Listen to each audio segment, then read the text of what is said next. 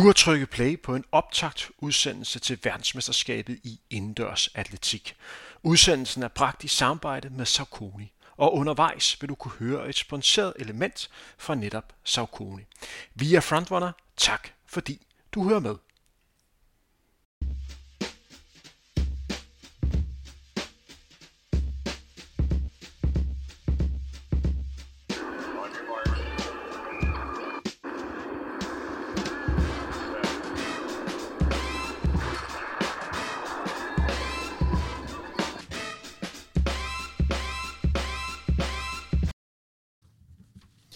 Efter næsten to et halvt års venten skal vi til det igen, nemlig et verdensmesterskab i atletik. En mesterskab, hvor der endelig er tilskuere igen tilbage på tribunen. Mesterskabet skal afvikles i Beograd i Serbien, hvor vi tilbage i 2017 havde et fantastisk dansk europamesterskab med flere finalepladser, og ikke mindst en sølvmedalje til Andreas Bube.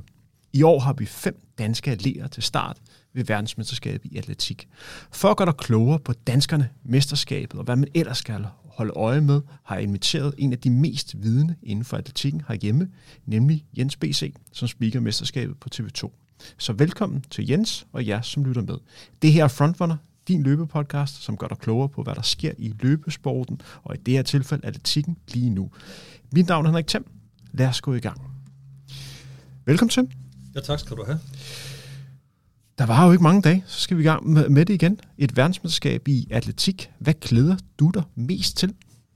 Oh, jeg synes, der er rigtig mange øvelser. Altså, men hvis vi skal tage det sådan nationalt, så er jeg spændt på de danske deltagere. Og øh, når jeg er spændt på dem, så er det fordi, de har lavet nogle fremragende resultater i 2022. Så vores spørgsmål er selvfølgelig, kan de leve op til de danske rekorder, de har sat?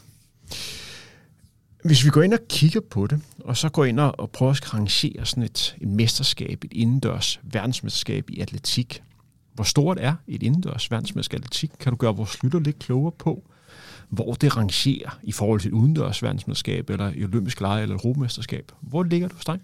Nej, altså jeg vil, så der er ingen tvivl om, de udendørsmesterskaber vil jeg vurdere højst. Det vil sige, det er OL, det er VM, og så kommer der EM bagefter. Men hvis man kigger på det, hvad, hvad man kan bruge indendørssæsonen til, så er det jo selvfølgelig fordi, at, at det er stedet, hvor mange af dem de måler status på sig selv. Altså, hvordan er min form i forhold til den udendørssæson, der kommer? Hvordan har min modstander det? Og er der nogle ting, jeg skal justere på? Og, og det vil sige, det er altså en form for mellemstation både i forhold til nogle øh, absolute målsætninger, man har undervejs, men også som en mellemstation, kan man sige, i forhold til de kommende års mester, eller det kommende års mesterskab. Og det er jo det, vi oplever i år. Hvis vi går ind og kigger på det her mesterskab, som vi skal se, så er det altså det første mesterskab, vi har haft OL, men det største sådan, øh, store verdensmesterskab siden corona ramte verden i 2020. Vi havde et OL sidste år, som blev afviklet uden tilskuer. Og vi har også haft nogle sæsoner, hvor der ikke har været de samme antal stævner, som vi plejer. Der er mange, som har svært ved at komme ud og ikke konkurrere på, på, på samme niveau som tidligere. Hvad er det for et mesterskab, du forventer at, at se, hvis vi sådan har fokus på det sportslige? Så du nævner måske en af de vigtigste faktorer, at der er et publikum med de store mesterskaber. Det vil vi kunne til at opleve her til sommer, fordi man kan sige, det udendørs VM kommer til for at gå i Oregon i USA, og Oregon er måske netop stedet, hvor udendørs atletik, det, det vil top, der vil sidde uden rigtig mange tilskuere. Men det tror jeg også, vi vil komme til at opleve i Beograd, og i og med, at man kommer til at sidde mere intimt, altså man kommer til at sidde tættere på de aktive, og måske også selve stemningen bliver selvforstærket. Hvis de har nogle nationale, altså nogle serber, der klarer sig godt, så tror jeg, at det vil være et mesterskab, som både udløser den mangel, der ikke har været det, og så det, man er tilbage til the roots igen. Altså den indendørs atletik, som har det, som udendørs ikke har, altså tætheden, øh, øh den der, man nærmest bliver omfavnet af publikum. Det tror jeg, det kan være man kan næsten sige, efter afsavn, flere års afsavn, så er det måske tilbage til, til virkeligheden igen. Og vi skal jo lige nævne, at verdensmesterskabet etik normalt bliver afviklet med to års mellemrum. Men det seneste mesterskab, som skulle afvikle i Kina i, i 2020, blev aflyst på grund af øh, corona, og det er så udskudt til 2023, så vidt jeg forstår. Så det er altså, vi kan se frem til et par år med, med store mesterskaber, og det har blandt andet også betydet alle de aflysninger, at vi kigger ind mod et år, hvor vi starter med at have verdensmesterskab i indendørs atletik, så i juli måned har vi verdensmesterskaber i udendørs atletik, og sørger om vi ikke en lille måned efter har Europamesterskabet i atletik i München. Altså tre store mesterskaber, så er jeg godt klar over, at hvis vi går ind og kigger i de specifikke grene, og for dem, der hører med her, der er det sikkert relevant at nævne, at man blandt andet også har et verdensmesterskab i halvmarathon, som ligger øh, senere på året. Men hvis vi sådan har fokus på den her opbygning, hvor du altså har to store verdensmesterskaber, Europamesterskab, det er vel første gang, at man oplever det, og det bliver da interessant at se, hvad det kommer til at betyde for ledernes prioriteter.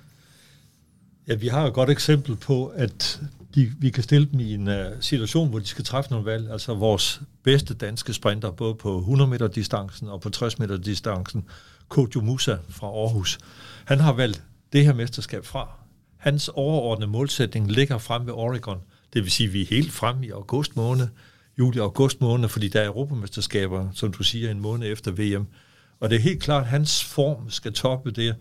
Og det kan så hænge sammen med, er der nogle bestemte målsætninger, man har, men også, der kan være nogle skader, som man frygter, der skal udvikle sig. Og det er jo det, vi ved, der gælder for Kojo. Han sagde, at han kom ikke til det stævne, der var i sidste uge i Aarhus, og han ville også vælge VM fra, til trods for, han kunne måske, hvis det havde kørt rigtig godt, være kommet i en semifinal på 60 meter. Hvis vi sådan bliver endnu mere specifikt, og vi skal lige nævne, at vi kommer til at snakke om de enkelte danskere, som stiller op øh, senere i denne udsendelse, men lad os tage, tage alligevel tage lidt hul øh, på det nu her de tanker, som, som coach jo har, for der er også noget i forhold til formtopning, og hvornår skal man pike og andet. Hvordan gør man det bedst muligt som, øh, som atlet? Det må vel være rigtig, rigtig svært at prøve at ramme det rigtige spændingsniveau og det rigtige træning, som man ligger klar på de tidspunkt, det gælder. Jamen jeg tror, altså det ved du jo alt om i forhold til mellem langdistance. Hvis vi tager nogle af de mere eksplosive øvelser, så kan man godt så der kan man i hvert fald se den måde, de bygger det op på. Der er forskel på, hvor de er henne i sæsonen. Og det er der selvfølgelig også i andre øvelser. Men når man tænker på, at for eksempel sprint, det er noget af det mest eksplosive. Man ved det også i nogle af kastene. Der vil man også kunne udsætte sig selv for skader. Så der skal være nogle opbygning af noget, du kunne kalde for den generelle træning. Så begynder du at kigge på den specifikke træning. Det kan være i forhold til styrketræning, hvor du måske har kørt med mange belastninger. Øh, nu går du over på, med mindre belastninger, og nu begynder du at kombinere det for eksempel med spring. Så det vil sige, man gør hele tiden det, at man optimerer sin træning, jo tættere man kommer på et mesterskab. Og man, jeg vil sige, jo mere kompliceret en, og jo mere eksplosiv en øvelse er, jo mere skal du måske også være, altså skal du være meget præcis i den måde, du opbygger det på. Og så er der en masse individuelle faktorer. Altså vi kan sagtens have nogen, der træner i samme træningsgruppe, som Michael Jørgensen for eksempel fra Sparta har. Han har rigtig mange sprintere. Han kan ikke bruge den samme skabelon. Det er både et spørgsmål om, hvor mange år de har trænet, hvor hårdt de har trænet, og selvfølgelig også de individuelle. Altså det er forskellige DNA, de har, selvom de ligger og løber stærkt, og det skal man tage hensyn til. Det er et utroligt komplekst område. Og må vel også være utrolig svært som atlet at navigere i, fordi ja. hvis, vi, øh, hvis vi tager udgangspunkt i Kojo, vi snakker om, hvis alt spiller, måske en semifinal, hvis han rammer dagen, og måske lidt heldig, en finalplads. Der er jo ikke en garanti for, at han står på samme niveau til sommer. Vi håber det, men der kan jo ske meget. Så på den måde er det også en chance. Det kan være, at det viser sig, at det er rigtigt, men det må godt nok være nogle svære beslutninger, han skal tage i, i samråd med sin træner, Mikkel Larsen, som er måske den bedste mand at tage de her beslutninger med, fordi han er så rutineret i, i de her, øh, det her game. Jeg synes, du har fat i noget meget præcist, fordi hvis det står til de aktive, så træffer de nogle valg, som i virkeligheden er meget kortsigtet. Og det kan jeg godt forstå. Det er nogen, der måske træner 3, 4, 5 år frem mod et, et mesterskab. Vi ved med Ida Karstoff, som vi vender tilbage til, hun har været skadet i stort set fire år, hvor hun ikke kunne træne optimalt. Så er det klart nok, når det pludselig går godt, og jeg vil gerne have udløsning, jeg vil gerne i forhold til, hvad kan jeg lave af præstationer. Og det er så det, at træner skal komme ind og sige, ved du hvad, du snakker om, du kan føle noget i baglåret, eller i akillescenen min vurdering er, at sådan og sådan. Og det kan man kun lave med den aktive, hvis man har respekt for hinanden. Altså, den ene, det går i forhold til den der følelse af, jeg vil gerne prøve at se, hvor langt jeg er nået. Og den anden, det siger, det skal du nok komme til, men du bliver nødt til at vente 3-4 måneder. Og det gælder uden tvivl også for de øvelser, du har lavet. Altså, hvor man kan mærke, at nu kører det rigtig godt, så er det jo nemt lige at sætte et par ekstra intervaller ind. Og hvis systemet ikke er forberedt på det, så kan det måske give en negativ effekt i stedet for. Jeg, jeg tror, nøgleordet her, det er, at man har, hvad kan man kalde det? At man har det rigtige sådan, øh, samspil og har fundet den træner, som man stoler på, mm. som man er sikker på, at, at, at han vil, eller hun vil det, det bedste øh, for en. Og så simpelthen have en person, som man kan stole på, så man er sikker på, at der bliver truffet de, de rigtige beslutninger. Fordi som atlet er man skolet til hele tiden at kigge frem mod det næste mål, der kommer. Det er derfor, man er let og fokus på det. Og det kan være rigtig svært lige at gå niveauet op og have fokus på, hvad er det bedste, altså, hvad er det bedste øh, over hele sæsonen? Hvad er bedst for, for min udvikling? Og sådan er man øh, som atlet. Hvis vi lige går, går lidt tilbage, igen har fokus på det her mesterskab, som vi skal se. Hvis vi sådan skal rang, rangere de her tre store mesterskaber, som vi har et år, det er selvfølgelig et svært spørgsmål. Men vi kan hurtigt blive enige om, at den største begivenhed er vel verdensmesterskabet ja, udendørs ja, i New Jean. Ja, ingen tvivl om det. Det her er vel nummer to, er det Ja, det er lige før. Øh, det, der kan være fordelen ved Europamesterskabet, det er, at der er lidt så der er ikke så mange lande, der kan deltage, og det betyder måske også for mange af dem, der står på, i, hvad skal vi sige, på en mellemstation med henblik på, vi kunne godt tænke os at komme med til VM om to år, det vil sige i 24. Vi kunne måske også godt tænke os at komme med til OL. For dem vil EM være det højeste, de kan opnå, fordi det bliver sådan et, et mellemstadie. Hvor står jeg hen, og kan jeg være med internationalt? Så, så jeg tror også, det er afhængigt af, hvor man står hen. Hvis man er blandt verdens bedste eller Europas bedste, så er jeg ikke sikker på, at det er så væsentligt som et indendørsmesterskab. Altså hvis du spørger, spurgte nu Duplantis, hvad synes du, Knæk? Du har jo vundet et europamesterskab to gange.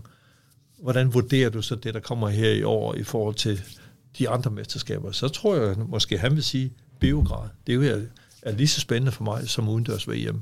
Så jeg tror, det er afhængigt af, hvor man står henne i forhold til, hvad man vælger at prioritere højst. Fordi vi kan godt komme til at stå i et scenarie, når vi kigger længere frem på sæsonen, at for de bedste europæer, Duplantis, mm. vi har også en, en norsk løber som Jakob ja, Ingebrigtsen. Ja, ham kommer vi nok tilbage til. Hvor at Europamesterskabet, måske godt, med al respekt for Europamesterskabet, kan blive sådan lidt opsamlingsheat mm, mm. For, for de ting, der måske ikke helt lykkes til verdensmesterskabet. Ja. Hvis du ikke helt rammer den til verdensmesterskabet, du ikke helt får det succeskriteriet, så man på en eller anden måde tænker, vi tager skulle lige Europamesterskabet ja, med. det er rigtigt. Ja. Altså, jeg kan også godt, hvis vi kigger lidt frem, vi har jo en norsk 400 meter hækkeløber, mm. som kunne have stillet op på 400 meter her ved mesterskabet, Carsten Warholm, ja. det har han gjort tidligere.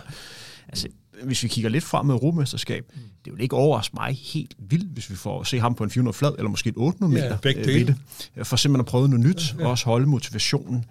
Hvis vi har fokus på, på danskerne, vi har altså hele fem danske atleter mm. til, til mesterskabet. Normalt så plejer vi en eller to danskere med til, til verdensmesterskabet i atletik.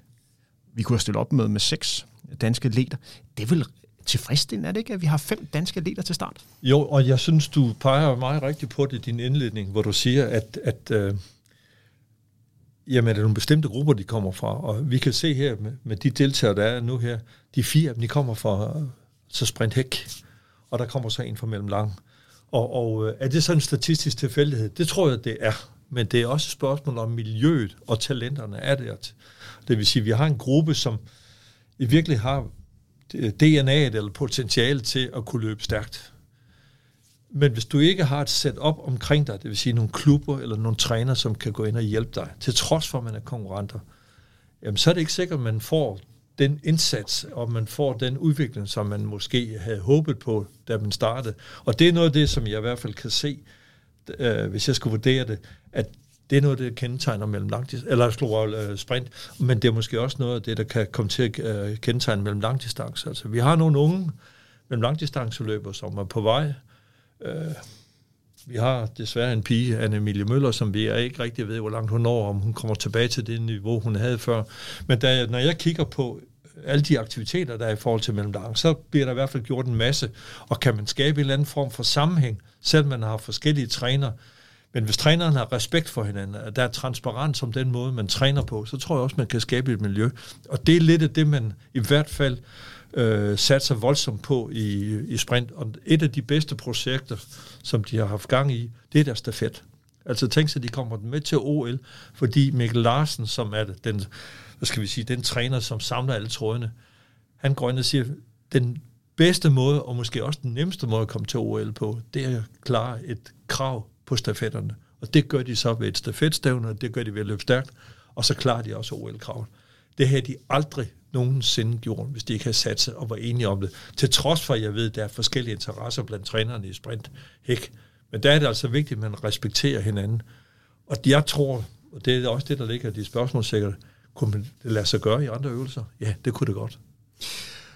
Og vi skal også lige øh, nævne, at det, jeg trykke play på i dag, er en overordnet snak om verdensmesterskab i, i atletik, der kommer til at foregå i Beograd. Det første store verdensmesterskab, som bliver afviklet siden corona øh, fik sin indtog i verden i starten af 2020. Et mesterskab, som alle atletikinteresserede har set meget frem til, fordi udover at vi skal have verdensklasse atletik, har vi også tilskuere tilbage.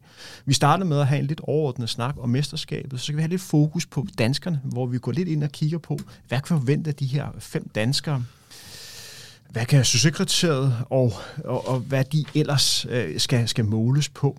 Så skal vi snakke lidt mere konkret om, hvor dansk atletik står lige i øjeblikket. Og så skal vi have en snak om de største, store internationale navne, som vi har med til det her verdensmesterskab.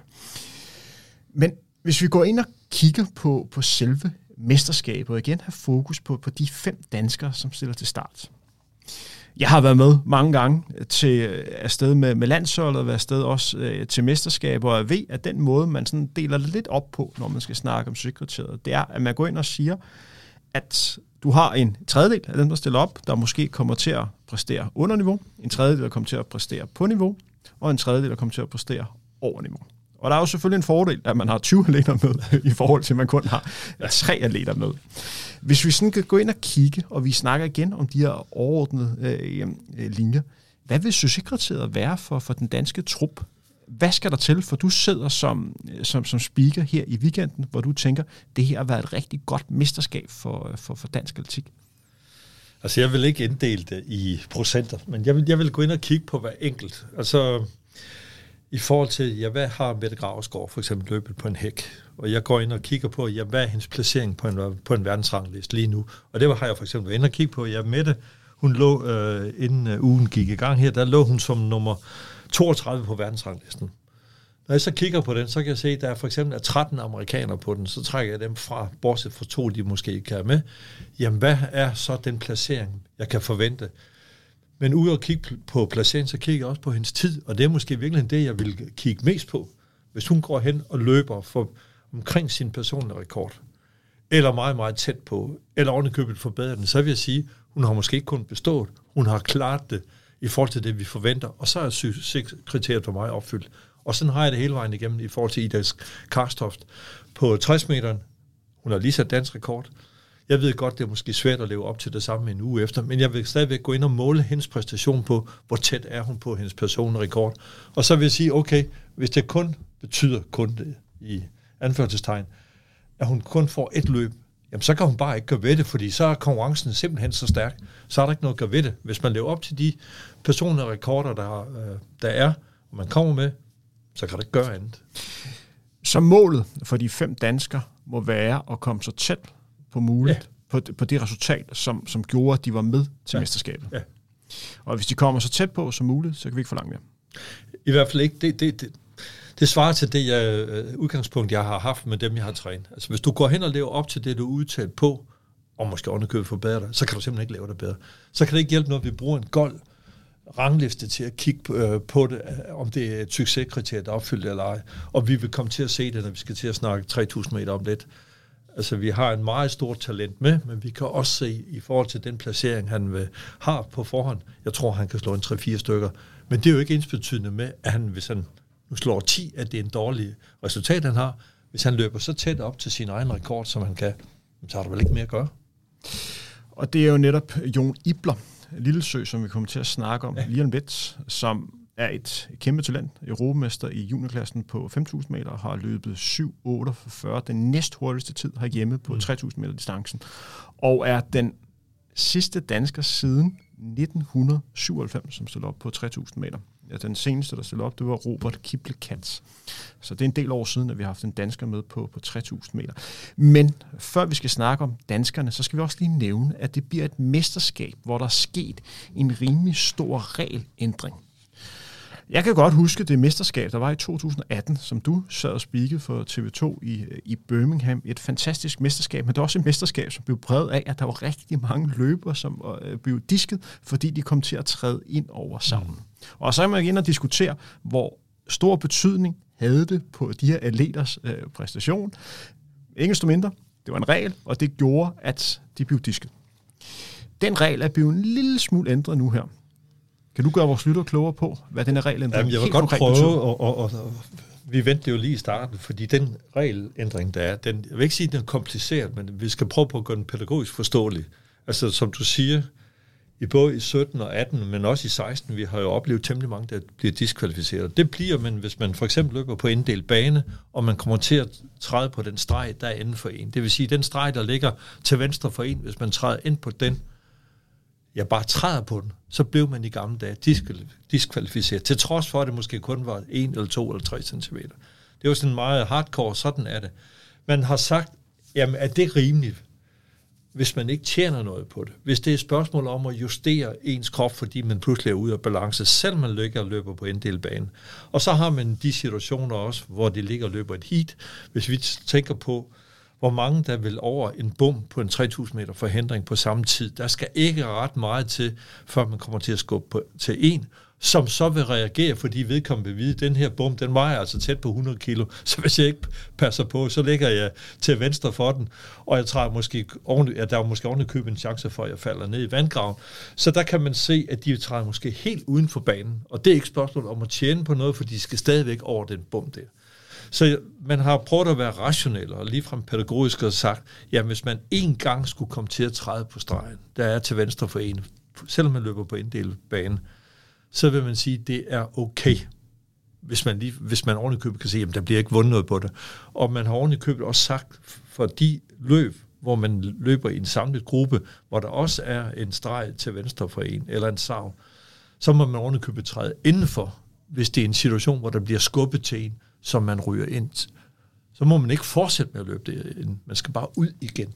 Og jeg synes lige frem, at øh, jeg synes ikke lige frem, at det undrer mig over, at den regel ikke har eksisteret det meget længere tid. Så den er først blevet medtaget i 2021. Det er først der, den står i, regels, i regelbogen. Og det er en rimelig øh, stor ændring, fordi det var noget, der betød rigtig meget i 2018. Også det europamesterskab, som, som var året før og året efter, fordi det her er mest relevant for alle løbedisciplinerne, fordi at der er det taktiske mens, og der er rigtig mange løbere, der ligger, der ligger samlet, så er der meget skubben, og det kan nemt ske, at der er en løber, der lige kommer til at træde ind under savn, eller når vi snakker 400 meter, man lige kommer til at træde lidt ind på øh, den, den forkerte bane. Så man diskuterer, hvor meget det har haft betydning, men i hvert fald gjort, at det har haft nogle gange været svært at overskue, hvem gik rent faktisk videre. Og så er det store spørgsmål, de løber, som er klar over, at de kommer til at lave en fejl i selve løbet. Hvad skal de gøre? Vi to sad og snakkede om det, før vi trykkede play. Vi er begge to enige om, at de fleste løber nok vil, nok vil fortsætte, men det gør alligevel, at et, det bliver et mærkeligt løb for dem, øh, fordi de ved, at de ikke kommer til øh, at, gå videre. Plus, at de også påvirker de andre løber, fordi de er ikke klar over, at der lige pludselig en ekstra plads i spil, fordi den her løber er, er, er disket og ude. Så det bliver nogle atypiske løb. Og det vi ønsker at se, det er, at vi får det bedste videre til finalen. Og du peger på noget af det, som man også har indset i andre idrætsgrene, hvor man har indført VAR, for eksempel i håndbold og i fodbold, hvor man kan gå ind og se på en situation igen. Vi kan jo se i nogle idrætsgrene, der er man blevet rigtig god til at kaste sig rundt, som om man bliver ramt i hovedet, og det, at det er nærmest et overfald, der er udført på en. Der kan man bruge varen til at se, jamen det her, var det forsætteligt eller ikke forsætteligt, eller hvordan og hvorledes er det. Og det vil sige, for at undgå var i atletik, så har man også tænkt på, jamen hvorfor skal folk, som du siger, hvorfor skal de rydde ud, for eksempel på en 5.000 meter, fordi der er en, der kommer til at skubbe øh, til sig, og man bliver rører ind til venstre. Nu har vi ikke var, men så har man sagt, jamen vi kan godt lave et eller andet øh, indsats, hvor man stadigvæk kan fuldføre, uden at have tjent noget på det, og det er rimeligt for hele idrætten og for den enkelte deltager. Altså tænk sig, at der er nogen, som først kommer til at opleve et mesterskab igen om to år, og man har trænet måske to år for at komme til det mesterskab, hvor man så er uheldig skubbet ind på inderkredsen, eller bare inden for savn. Det er fuldstændig uden pædagogisk sammenhæng. Ja, og når vi sådan kigger tilbage, så kan jeg komme med eksempler på, hvor det har haft øh, på, øh, påvirkning. Jeg er rimelig sikker på, at når vi går et år tilbage, var der en spansk 400 meter løber, som satte Europa-rekord og havde vundet den her 400 meter, så mens han bliver interviewet, vinderinterviewet, får han lige pludselig at vide, du er disket, din tid er ikke godkendt, og du er rent faktisk ikke vundet. Og hvor man bare kan se, at han går bare fra glæde til mega frustration. Så er vi også tilbage, det var til verdensmesterskabet i Polen, hvor vi havde en polsk 8 meter løber, der hedder Marcin Lewandowski, der ligger til at få, øh, få sølv. Og så kommer han til at træde ind på inderbanen. Lidt uheldigt, da der mangler 20 meter. Det gjorde han, bliver, bliver disket. Og det gør han for ikke nogen medalje, og der er en britter, der går op og får det medalje. Han var ikke så populær på den her medaljeceremoni. Og vi har også set øh, slåskampe ved det seneste Europamesterskab i 2021, havde vi den store norske løber, Jakob Ingebrigtsen, som i princippet på 1500 meter vandt løbet, men efterfølgende blev disket, fordi han lavede en fejl i starten af løbet. Han, han masede sig simpelthen frem, så der var masse polemik efterfølgende. Hvad kommer der til at ske med Jakob Ingebrigtsen? Han fik sin sejr og fik lov til at, at stille op på, øh, på 3.000 meter efterfølgende, som man ellers troede med, at han ikke har lyst til at stille op, hvis han ikke fik, øh, fik sin, sin guldmedalje. Og det er altså, hvad der kan ske i kulisserne, når vi snakker med et stort mesterskab. Vi holder en lille pause for vores udsendelse for at komme en besked fra vores partner, Saucony. De laver nemlig en Danmarks turné i samarbejde med Kaisersport, hvor du kan møde op foran din lokale Kaisersportsbutik og løbe en 5 km tur sammen med andre løbeglade danskere. Danmarks turnéen starter den 29. marts og slutter en lille måned senere, nemlig helt præcis den 20. april. Følg med på Frontrunners Facebook-side, hvor du kan finde et link, hvor du kan se mere om de forskellige arrangementer. Alle kan være med, og du har mulighed for at teste et par Saucony sko af. Af modeller, du kan prøve, kan nævnes Speed 2, Shift 2 og Guide 15. Efter den sociale løbetur, hvor løberne bliver delt op i grupper efter niveau, vil der være mulighed for at stille spørgsmål angående løbetræning og løbeudstyr. Ligeledes vil der være hele 25% rabat på Saucony sko og tøj og tilbør ligeledes for Saucony. Du kan desuden være så heldig at vinde en af de mange lodtrækningspræmier. Så savner du at løbe med andre, er her en fantastisk mulighed. Følg med på Frontrunners Facebook-side, hvor du kan finde flere informationer om de her arrangementer. Nu tilbage til dagens udsendelse. Hvis vi har fokus på, på danskerne, vi stiller som bekendt op med fem danskere til det her verdensmesterskab i atletik. Hvis vi har fokus på den første atlet, som vi kommer til at se, hvis jeg ellers øh, har fuldstændig styr på, på tidsskemaet, det, det burde jeg have, så er det altså Benjamin Lobo. Nej, undskyld, det er Ida Karlstoft, vi skal se på 60 meter indledende. Og det er altså på, på fredag 10.15, at hun stiller op. Ida, der er gammel øh, fodboldspiller, har været på landsholdet i fodbold og har haft en fantastisk indendørs sæson. Hun startede med at sætte flere danske rekorder på, på 200 meter distancen, og så sluttede hun så af med hele to gange at sætte dansk rekord på, på 60 meter, hvor hun endte med en tid på 7.24. Det her, det er vel en løber, som har haft en helt exceptionel udvikling over vinteren. Ja, jeg vil sige, det er en udvikling, hun har haft over måske 5-6 år. Hun spillede på Brøndbys første hold, og som du siger, hun var inde omkring landshold, og hun bliver fundet af den træner, hun har nu, Michael Jørgensen fra Sparta. Han kan se, at hun har et eller andet over sig. Hun er måske ikke så hurtig til at reagere, sagde han, på, lad, lad os sige, på sådan en knips eller fløjt, men hun var god til at accelerere. Så de der øh, accelerationer, man kender fra fodbold, hvor man skal uden omkring en øh, modspiller, det var hun ikke så god til, men reaktionerne og hastighedsforøgelsen, når hun skulle løbe lige ud, der kunne, hun se, det kunne, eller kunne han se, det kunne måske blive, blive til noget. Og de går i gang med at træne, og jeg synes, der var en periode, hvor hun stod lidt stille. Men så snakkede med Ida øh, og med Michael her op til sidste uge, hvor hun satte øh, ny dansk rekord. Jamen, hun har været småskadet i næsten fire år. Og det er først nu, at hun er totalt skadesfri. Jeg kunne også se, at det var en glad, glad, må man ikke sige pige, men glad, glad kvinde, da hun satte dansk rekord. At det var sådan en forløsning, og det var det også for Michael, at nu var det lykkes. Og han sagde, jamen der var ingen han havde ikke været i tvivl om, at hun kunne løbe stærkt. Men det var et spørgsmål om at holde hende skadesfri. Det var lidt af det, vi var inde på før. Hvordan får man motiveret til i virkeligheden at træne 5-6 år med henblik på noget, der skal ske engang? Man skal være sindssygt mentalt stærk. Og det er altså lykkedes for hende, til trods for, når man kigger på hende, det er en høj kvinde, og hun umiddelbart vil man sige, hun ligner jo ikke en 60 meter løber, men det siger måske i virkeligheden også om, om hendes potentiale på en kommende 200 meter. Det er det, jeg vil se. Det er måske der, hendes chancer ligger. Fordi der er jo ikke 200 meter øh, indendørs, og der starter hun altså med at få nogle exceptionelle gode tider. Hvis vi går ind og kigger rent placeringsmæssigt her, så møder hun altså op med en personlig kort, som er sat i år med 7.24. Bedste tider i, i verden er lige under øh, 7 sekunder øh, i år. Hun er rangeret som nummer 21 ud af 49 atleter, hvis jeg ellers har talt øh, korrekt. Hvis vi går ind og kigger på, på Ida, og du nævnte lidt, er hun en 200 meter løber, som bare er rigtig god, og derfor er god på 60 meter, eller er hun en 60-100 meter løber, som også skal løbe en 200 meter? Hvor ser du hende? Åh, jeg kender jo ikke nok til hende, det gør Michael jo selvfølgelig, men altså hvis jeg, når jeg kigger på hende i forhold til hendes kropsbygning, og, og, og også den, hun er ikke den, da jeg så, hun satte øh, den danske rekord i sidste uge, der var det ikke sådan, jeg tænkte, hold op, hvor der jeg hurtigt. Men man kunne bare se, da hun nåede op omkring 50-60 meter, altså inden hun kommer i mål, der fører hun pludselig markant. Og det er ikke, fordi hun løber hurtigere end de andre, men det er, fordi hun går mindst ned i hastighed end de andre. Alle går ned i hastighed omkring 50-60 meter. Så der er noget, der tyder på, at hun skal måske bruge lidt længere tid på at accelerere kroppen, og det vil sige skabe hastighed, men den hastighed kan hun så holde længere tid, altså hendes tophastighed kan hun holde længere tid end de andre. Og det er det, der er en fordel på en 200 meter. Altså hvis hun har en anaerob kapacitet, som er rigtig, rigtig stor, altså hun kan holde til at løbe med meget lille iltoptagelse, hvis man kan bruge det billede, jamen så er hun 200 meter løber.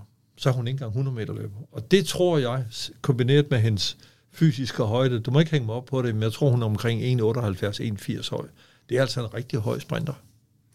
Og hvis vi kigger lidt frem med, med Ida, det er vel en atlet, som langt fra har toppet det er vel en let, som vi kan se de, de næste mange år med hendes trænings, begrænsede træningsbaggrund og udfordringer i forhold til skader.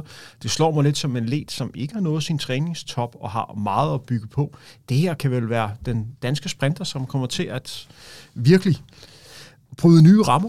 Eller hvordan ser du Nej, men jeg, jeg tror, du har, eller ikke tror, jeg er sikker på, at du har ret, fordi hvis man, øh, øh der er jo intet til hænder for, i hvert fald fysisk at løbe stærk, om du er 30 eller 32. Vi kan jo se, hvis vi vender tilbage til det. Coleman, som er med her øh, hvad, hedder det, til verdensmesterskaber, han er født i hvad hedder øh, han er født i 96. Det vil sige, at man kan altså være med ved verdensmesterskaberne, selvom man er nogen 30 år. Det er ikke noget problem. Det største udfordring, det er skades, at holde skadesfri og fastholde motivation, og de to ting hænger, hænger sammen. Og det er altså den første løber, vi får, får set i, i aktion. Hvad, øh, hvad kan vi forvente? Hvad tror du, der er muligt for hende? Altså, jeg vil sige, hvis det... Oh, umiddelbart kriterie, du skal leve op til din danske rekord. Om du så løber 26 i stedet for 24, det er fuldstændig gyldigt. Og hvis det kører rigtig godt for dig, så kommer du i en semifinal.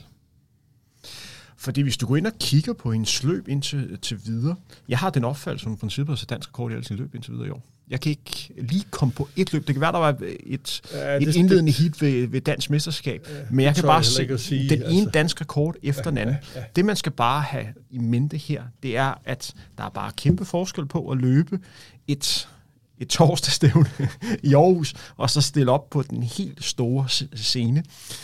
Man skal have været der, for at kunne forstå, hvor meget mentalt det betyder at stå der. Det, der så er hendes fordel, det er, at hun har stået der før. Mm. Hun har været en del af det danske stafetlandshold, og ved, hvad det vil sige at være til de her store mesterskaber. Og det kommer altså til at betyde noget for hende ved den her, øh, det her mesterskab. Den næste atlet, som vi skal se i fokus, det er jo Benjamin Lobo Vel, der skal løbe der, hvor han virkelig brød igennem tilbage i 2017, ja. hvor han rigtig flot, måske en lille overraskende, kom i finalen på, på 400 meter, efter at løbe helt øh, fantastisk. Benjamin, som er tidligere øh, junior europamester på 400 meter, ved den lejlighed slog han øh, Carsten Warholm. Så har han løbet rigtig stærkt i det amerikanske, så flyttede han en lille smule med 800 meter distancen her i, i 2021, og nu er han så tilbage på, på 400 meter, efter han er flyttet til, til København, og haft en helt fantastisk indendørs sæson og har to gange løbet under 46 på, på 400 meter. Det er lidt svært helt at blive klog på, hvordan det ligger i forhold til hans rangering lige, for der har været nogle afbud og andet, men det seneste jeg så, det er, at han ligger som nummer 5 lige i øjeblikket, ja. ud af 29 løber.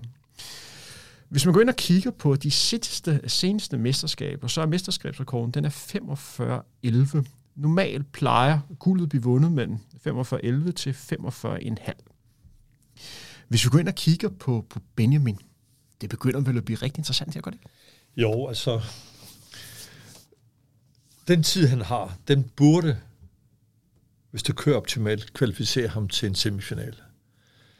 Og hvis det er rigtig er optimalt, så kan han måske komme i finale. Altså det, sådan som 400 meter er indendørs, så ligger de jo ikke og løber på inddel banen hele vejen. Så det vil sige, det er også et spørgsmål om at placere sig rigtigt.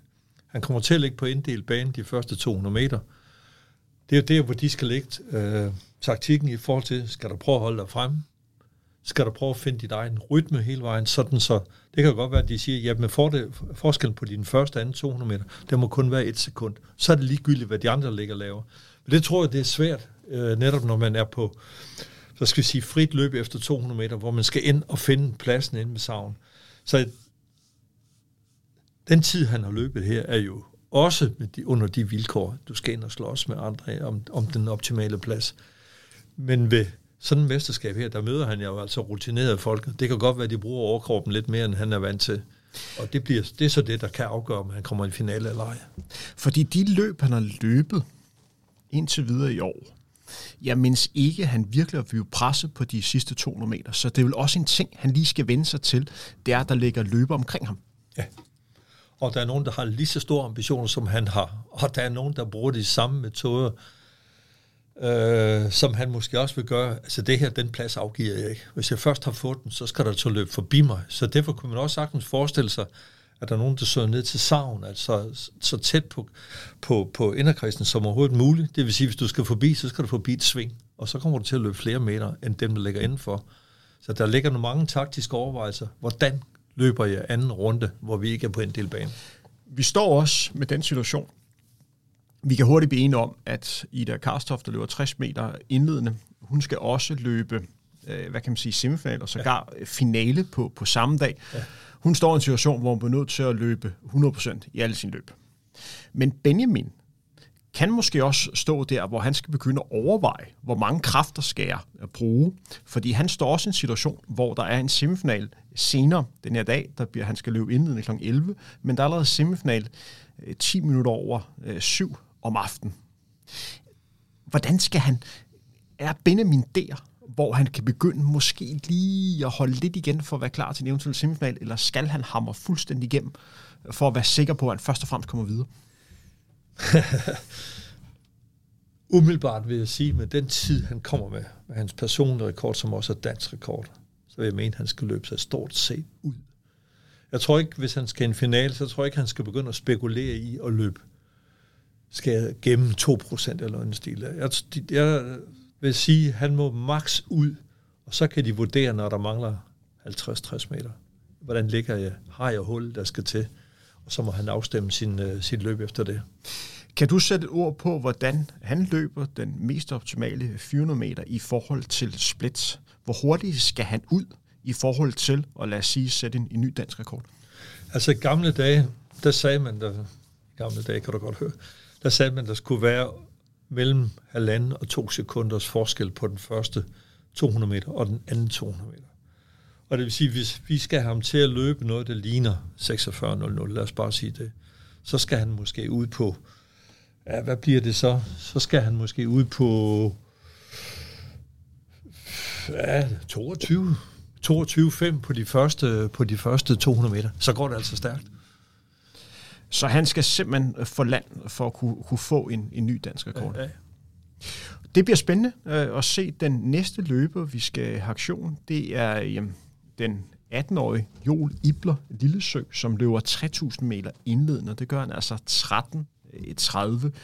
Joel, som har haft lidt af en øh, kometkarriere, han brød rigtig igennem i 2020-sæsonen, og hvis vi har fokus på 2021, så snakker altså om en løber, som startede året ved at være til Europamesterskabet på, på 3.000 meter. Så løb han den hurtigste danske tid på 5.000 meter siden 2004 med, med 13.40, så blev han Europamester. I juniorklassen øh, på 5.000 meter, så fik han medalje til Europamesterskabet i cross, og så starter han så indendørs sæson med at løbe 7 48, den næst hurtigste tid, som en dansker har løbet indendørs. K.O. Skuldberg har løbet hurtigere, og så stille op til verdensmesterskab som den første dansker siden Robert K. var der i 1997. Joel Ibler, hvordan ser du hans chancer her? Altså, jeg synes, som du siger, han er ung. Han er født, hvis jeg husker rigtigt, i 2003. Det er rigtigt, ja. Så det er først til næste år, han bliver 20 år. Og, og som du også siger, det er jo utroligt tidligt, han går hen og vinder øh, et uh, U20-mesterskab. Det siger noget om hans potentiale. Og det, det vigtigste er igen, kan man udvikle det potentiale, han er mellem med spagsvær, hvis jeg husker rigtigt, sådan så han kan udvikle sig.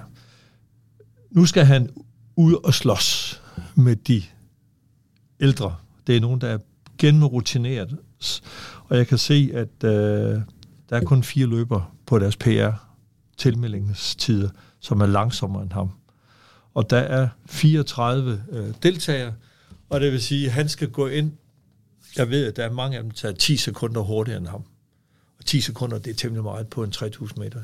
Så spørgsmålet er, og det må de jo overveje, dem der lægger hans taktik, skal han prøve at gå med feltet, eller skal han prøve at løbe en form for sit eget løb, sådan så han er sikker på, at jeg har en, måske en 1000 meter, som er, jeg ved ikke, om de, øh, hvordan I løber dem, om I siger, at de skal være øh, stort set identiske hver eneste 1000 meter, eller man kan lægge et, et, et, et, et tidsskema for ham.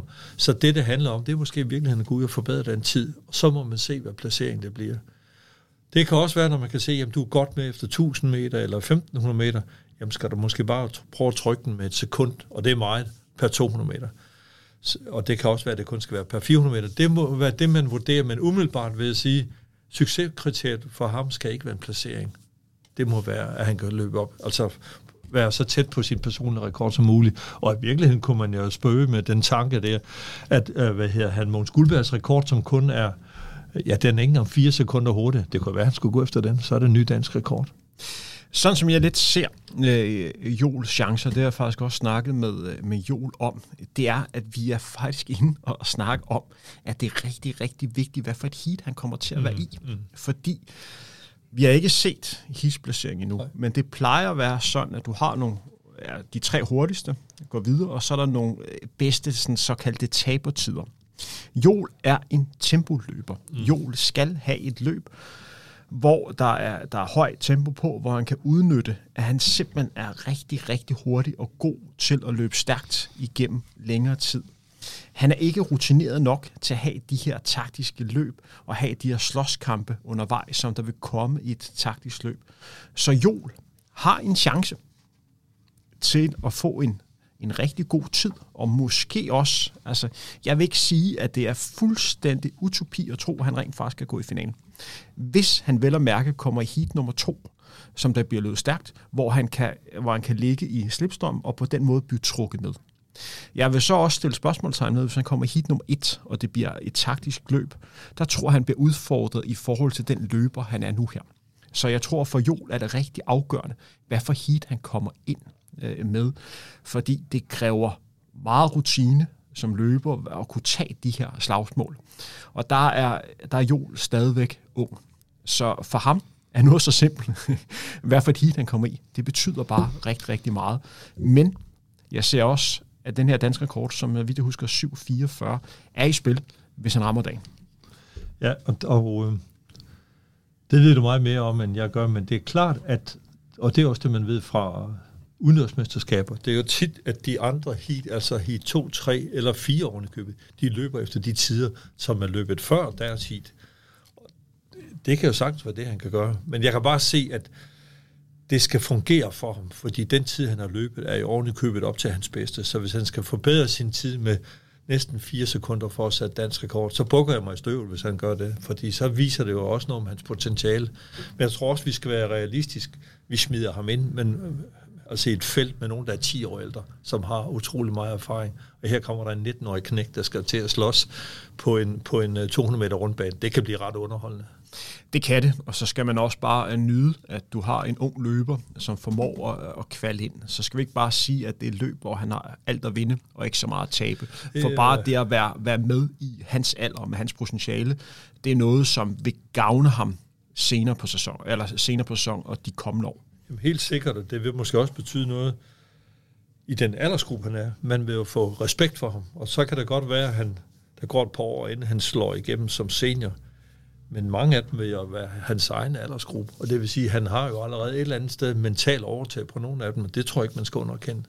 Så altså for ham vil jeg sige, hvis han kan gå ud og løbe omkring sin personrekord, og hvis, som sagt, hvis han kan gå op og slå Mogens Guldbergs rekord, som vi andre kan huske, som er fremragende, og var det dengang den blev sat, så har han jo rigtig bestået. Det bliver spændende at se i, i hvert fald, og han løber indledende heat. Det gør han klokken halv to på, på 3.000 meter. Så vil vi gå øh, længere frem på den her fredag den 18. marts. Så er der altså mulighed at se Ida Karstof løbe 60 meter semifinal, og forhåbentlig final senere på aftenen, og så Benjamin Lobovel 400 meter semifinal. Hvis vi går frem til lørdag den 19. marts, så skal vi hele to danskere i aktion på 60 meter hæk for, øh, for, for kvinder. Det er godt nok sjældent, at vi har to danskere med i, i samme øvelse til verdensmesterskabet i atletik. Ja. Nemlig Mathilde øh, Heldbæk og så Mette Kraverskov. Det bliver da ufattelig spændende og meget, meget fascinerende, at vi skal have to kvinder med i samme øvelse. Og hvis vi går ind og, kigger øh, på det, og sådan lige snakker om, hvad de sådan er rang, rangeret på. Vi har altså Mette Kraverskov, som møder op med en tid på 8, øh, 8.02, og hun er altså rangeret som nummer 12 ud af 46. Og så har vi Mathilde, som er rangeret som nummer 21 ud for års bedste. Og ud for det, så kan man allerede se der, at de ligger jo meget godt til. Hvad kan vi forvente af de her øh, to, øh, to unge kvinder? Jamen, jeg vil sige det igen. Hvis de kan gå ud og leve op til deres personrekorder, øh, så er de nået langt øh, igen. De er jo en del af, de har været en del i brutogruppen, men også været der decideret på 4 gange 100 meter landshold. Så det vil sige, at der er nogen, der, altså de har en vis international erfaring. Og, og øh, 8.02 er en pæn tid. Øh, og det skal hænge sammen rent teknisk for Mette, og det skal det selvfølgelig for begge to, for at kunne komme. Jeg vil tro, Mette, hun kunne godt gå en semifinal.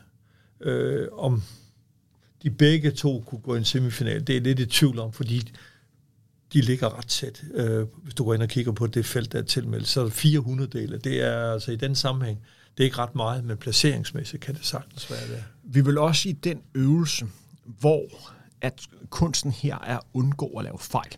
Fordi det siger lidt sig selv, at når man skal løbe 60 meter, og man samtidig skal overhække, så bare en enkelt fejl mm. kan gøre udslag. Ja.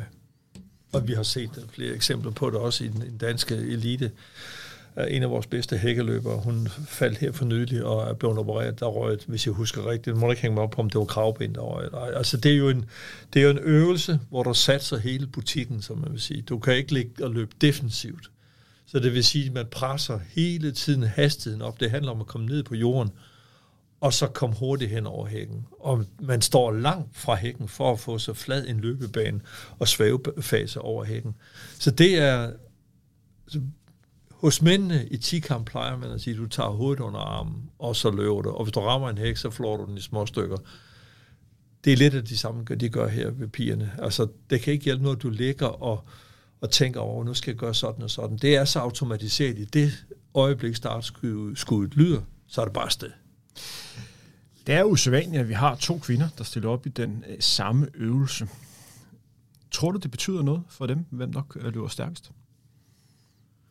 Ja, så skal det være mere på den der, øh, hvad skal vi kalde det, som, hvis det er spørgsmål om, om, om intern konkurrence, jamen jeg har overhånd i dag, men, men Altså i nuet, inden de går i blokken, så tror jeg, de er fuldstændig ligeglade med den anden. Så er det da sejt løb, de tænker på. Så kan det godt være, at spillet kommer bagefter, jeg slog dig, eller jeg slog dig med så og så meget. Men i selve løbet, så ligger, inden løbet, så ligger fokus alene på deres eget løb. Jeg tror ikke at det ligger på modstanderen, der ligger ved siden af, for du kan ikke, du kan ikke tilpasse dit løb efter modstanderne. Men på mange måder må det trods alt være en fordel, at man har en, en landskvinde, som stiller op i den samme øvelse. Du har en, du kender, der skal igennem det samme. Du har en, du sådan kan varme op med, og du har en, du, du sådan kan spare med. Så det må trods alt være en fordel, at man har en, en ekstra udøver med, som man sådan kan, kan dele nervøsiteten med, mm. og varme op sammen med, og tage nogle af de, øh, hvad kan man sige, lidt svære at snakke med, fordi man er det samme sted. Hvis vi sådan går, går videre, og så skal snakke om dansk sprint. Dansk sprint har jo virkelig ramt et uhørt højt sportsligt niveau. Man kan jo stort set ikke have en weekend lige i øjeblikket, hvor der ikke bliver sat den ene nye danske rekord.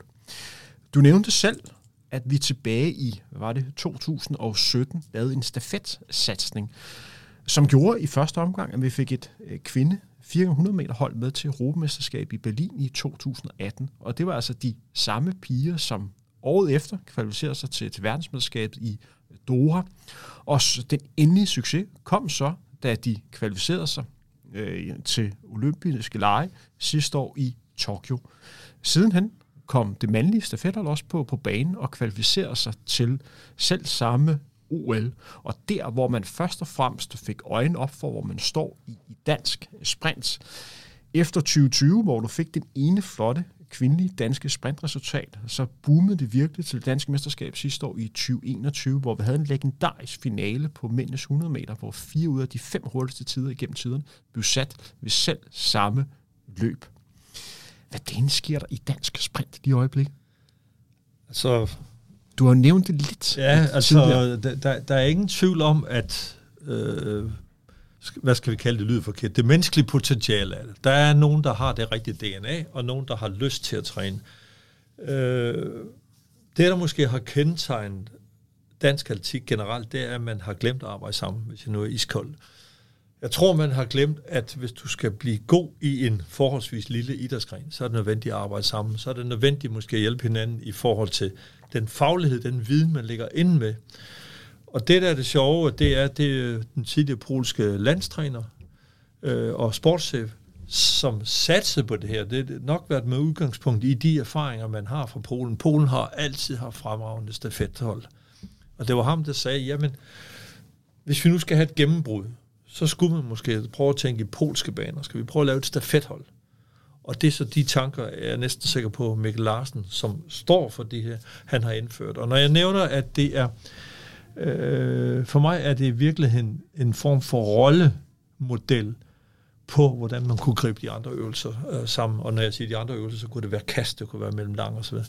Det er fuldstændig øh, tåbeligt med sådan en lille befolkning, vi er, at vi ikke øh, åbner for de såkaldte hemmeligheder, vi har. Og det gør man, det burde man gøre i alle andre grupper også. Og et af de gode eksempler, det er jo, jeg ved godt, genetikken er med Jamaica, og det er det måske også i forhold til USA, men jeg var inde og kigge på Jamaica, den, den største idrætsgren, den mest sete idrætsgren på Jamaica, det er cricket.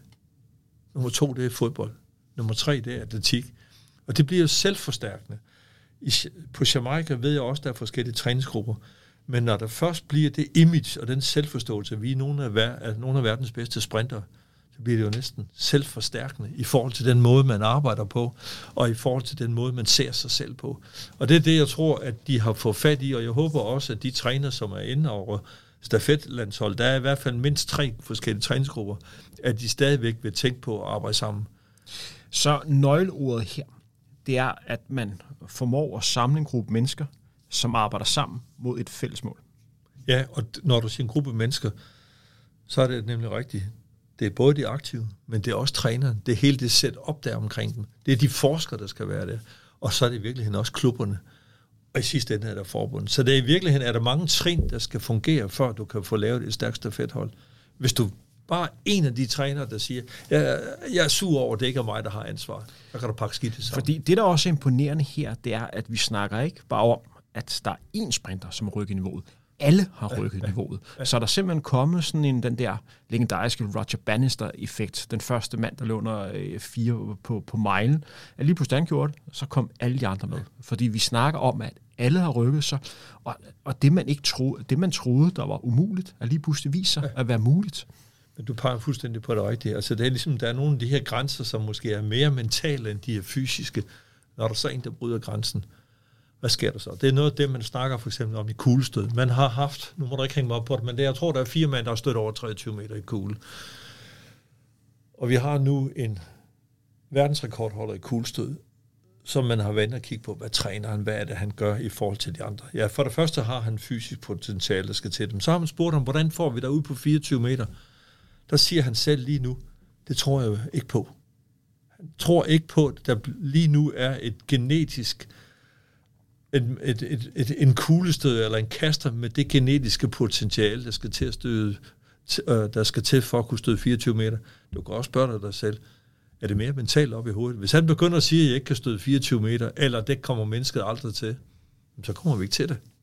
Fordi en ting, som vi også øh, nu står i, det er, at for de næste, der er på vej, de næste sprinter, den næste Ida Karstoft, den næste Mette Graveskov, den næste Kojo Musa, den næste øh, Christoffer Hai, de kan se nogle forbilleder, mm. som har vist vejen, som er med til de store mesterskaber, som præsterer. De kan se, det er muligt. Fordi det har jo måske nogle gange været udfordringen tidligere. Det er, at du har manglet dem, som man kan se op til, der er lykkedes. Så du simpelthen kan have dem, der er niveauet under. De kan træne med de bedste, og de kan sådan fornemme, hvad skal der til for at komme derop. Og samtidig, også i forhold til trænerne, at de også er klar over, sådan er det at træne en verdensklasse atlet. Det er det her, der skal til for, for at komme det op. Jeg læste en meget interessant artikel med Mikkel Larsen, som er træner for, for øh, sprintlandsholdet, hvor han fortalte lidt om, hvordan hans rejse har været med, med Sara Slot for at komme derhen i forhold til en OL-sølv, som var hendes peak, hvor at der var nogle ting undervejs, som man blev til at lære, for det har ikke været der før. Så han er nødt til at lave mange fejl. Men nu kender han jo det. Han kender socialopdateret. Øh, og det er jo, at altså, de her sprinte er jo med til også at bryde barriere sammen. For 5-10 år siden, jeg er godt klar over, at vi havde en Christopher Heide, der lige pludselig brød igennem, og man snakker om, at det var under 10, var lige pludselig muligt på en 100 meter. Men der er jo ikke nogen af os, der tænker nu, at det er fuldstændig utopi, at vi har en dansk sprinter, Vestutoga mandlig sprinter, som nærmer sig 10 sekunders grænsen inden for ja, ja, det tror jeg, du har ret i. Jeg tror sagtens, at Kojo han kan komme ned og løbe 10.05 inden for kort tid. Og når jeg siger kort tid, det er måske allerede til næste år. Men du nævner jo så også det andet paradoks. Vi har en Christoffer Harris, som satte tider som 15-årig og havde den danske seniorrekord også. Hvor blev han af? Var det måske netop fordi, at alle nævnte ham som det her nye talent, som skulle kunne slå igennem, og se, hvilke tider han burde kunne løbe, og se, hvordan han brager igennem. Det kunne måske virkelig have været et ordentligt å, man har lagt på hans skulder. Og hvis han så har haft et år eller to med småskader, jamen smider man så ikke bare den der motivation af H til. Og det er nogle af de spørgsmål, vi aner ikke, om det er det, det handler om. Og det er måske også det, Mikkel siger, og det Øh, Øh, jeg snakker med Michael Jørgensen, som er den anden af de der succesfulde øh, uh, træner. Han siger, jeg har begået fejl undervejs. Og det er måske virkelig det sværeste som træner, at erkende det, men også at fortælle andre det. Men, siger han, jeg har også fundet modellen, som virker nu. Og det kan man se, for Michael har lavet rigtig mange gode resultater. Det er også ham, der, der, der uh, træner Benjamin. Det vil sige, han træner alt fra 60 meter op til 400 meter. Plus han har mange kæmper også. Altså Michael sådan som han forklarede mig det, så har han fundet en formel, han selv tror på. Og det er nogle gange det, vi andre, som også har trænet rigtig meget, men nu når man kigger tilbage, du kunne måske have grebet det anderledes an, og have det så givet et bedre resultat. Det er jo alle de spørgsmål, der hænger i luften, og det er også det, som du siger, Mikkel siger, han har justeret på noget af den faglighed, han havde, og det er måske noget af den bedste erkendelse, man skal have som træner. Jeg kan ikke bruge den samme model på alle. Det er jo det, Michael gør lidt, men det gør han måske ikke, for vi hører ikke om alle mellemregninger, hvor han justerer undervejs, og det ved jeg, han gør. Og som du nævner, man får, man får aldrig at vide i forhold til den specifikke case, i forhold til øh, Christoffer Hage, øh, hvordan situationen var, øh, hvad det kunne udvikles til. For, men det vi sådan kan konstatere, og det der også er fællesnævner for mange andre af Christoffer Hage øh, lignende eksempel, det er, at de i en tidlig alder har fået klistret et klistermærke på, der hedder verdensklasse let ja. i fremtiden. Ja. Og det er altså noget, man skal passe på med at, at klistre på en, en ung atlet. Fordi at du tager et kæmpe forventningspres på din skulder. Samtidig med skal du bryde nogle barriere, hvor ingen andre danskere tidligere har været. Og hvis vi sådan kigger på, lad os lave eksempel på de to danske mellemlangløber, vi har lige i øjeblikket. Axel Wang og hans, øh, og hans et år ældre, som vi skal se til Europa, eller verdensmesterskab her, Jon Ibler, de er også på vej nu til at bryde nogle rammer, hvor ingen andre danske løbere har været tidligere. Det vil sige, at det kræver bare noget nyt, og på mange måder er også det samme, som de norske brødre Ingebrigtsen var igennem. De skulle bryde nogle barriere, og på mange måder har det været godt for sådan en som Jakob, og sådan en som hans store Philip, at de har haft Henrik til at komme, fordi han har skulle tage kampene, han har skulle vise, at det har været muligt, og så kunne Jakob i en ung alder se, okay, det kan altså godt lade sig gøre at blive europamester, selvom man er født i Norge. Det kan godt lade sig gøre at blive femmer til, til en OL. Det har han lært i en tidlig alder og, og taget med sig, fordi det kræver noget at være den første, der har vejen. Du, du nævner jo nogle eksempler, som er nutidige. Jeg vil godt hoppe 40 år tilbage, Gør det eller endelig. 30 år tilbage, hvor vi havde maratonløber, som vandt rundt omkring. Vi havde en, der vandt. Så Henrik Jørgensen vinder London Marathon. Vi har en Allan Zachariasen, havde en Allan Zachariasen, som vandt Barcelona. Vi havde en Jørgen Lavnborg, som vandt Stockholm Marathon. Og jeg tror også, vi fik en, fik vi en venner nede i Berlin. Jeg kan ikke huske, om... Øh, John Skorpion. Sko, sk- om Skorpion ikke vandt Han det. vandt og, Berlin. og så havde vi en lang række andre løber, som var tæt på dem. Så ved jeg godt, hvis vi kigger på Henrik Jørgensens tid, åh ja, men kigger vi på 1988 og 85 og 84 og lidt før oven i købet, Lavnborg var med ved de olympiske lege i, øh, i Moskva. Øh, jeg kan ikke huske, om han udgik, men han, han lå og løb 2.12. Og, og, og det vil sige, at et par stykker af dem bryder grænsen for alle andre, og det var ikke unormalt. Der var rigtig mange, der løb under 2.15. Så trækker vi på skuldrene i dag, når vi ved, hvor, hvor, hvor godt de løber. Men dengang var det altså unikke tider, og man går ikke ud og vinder London, London Marathon dengang, eller Barcelona, uden man har international klasse. Og det, øh, for mig er det et godt eksempel på, der havde man et mellemlangt miljø, hvor man var knaldhård ved hinanden. Jeg ved I fra Odense, som jeg kommer fra, de prøvede på at smadre hinanden i træningen. Det handler om, altså hvem havde overhånd mellem Jørgen Langborg og Allan Zachariasen, men det skabte et miljø, hvor de måske har trænet på kanten af, hvad de overhovedet kunne træne. Og det er så også det, der handler om i dag. Skal vi blive klogere på, så vi passer lidt mere på den? Men det var et gennembrud for mellem lang på daværende tidspunkt. Og det er måske også det, som du siger. Kan de to knægte her være med til at løfte mellem lang niveau? Og det er også det for Anne-Emilie Møller. Jeg ved ikke, om hun kommer tilbage, men hun kunne jo også have været rollemodel for kvinderne.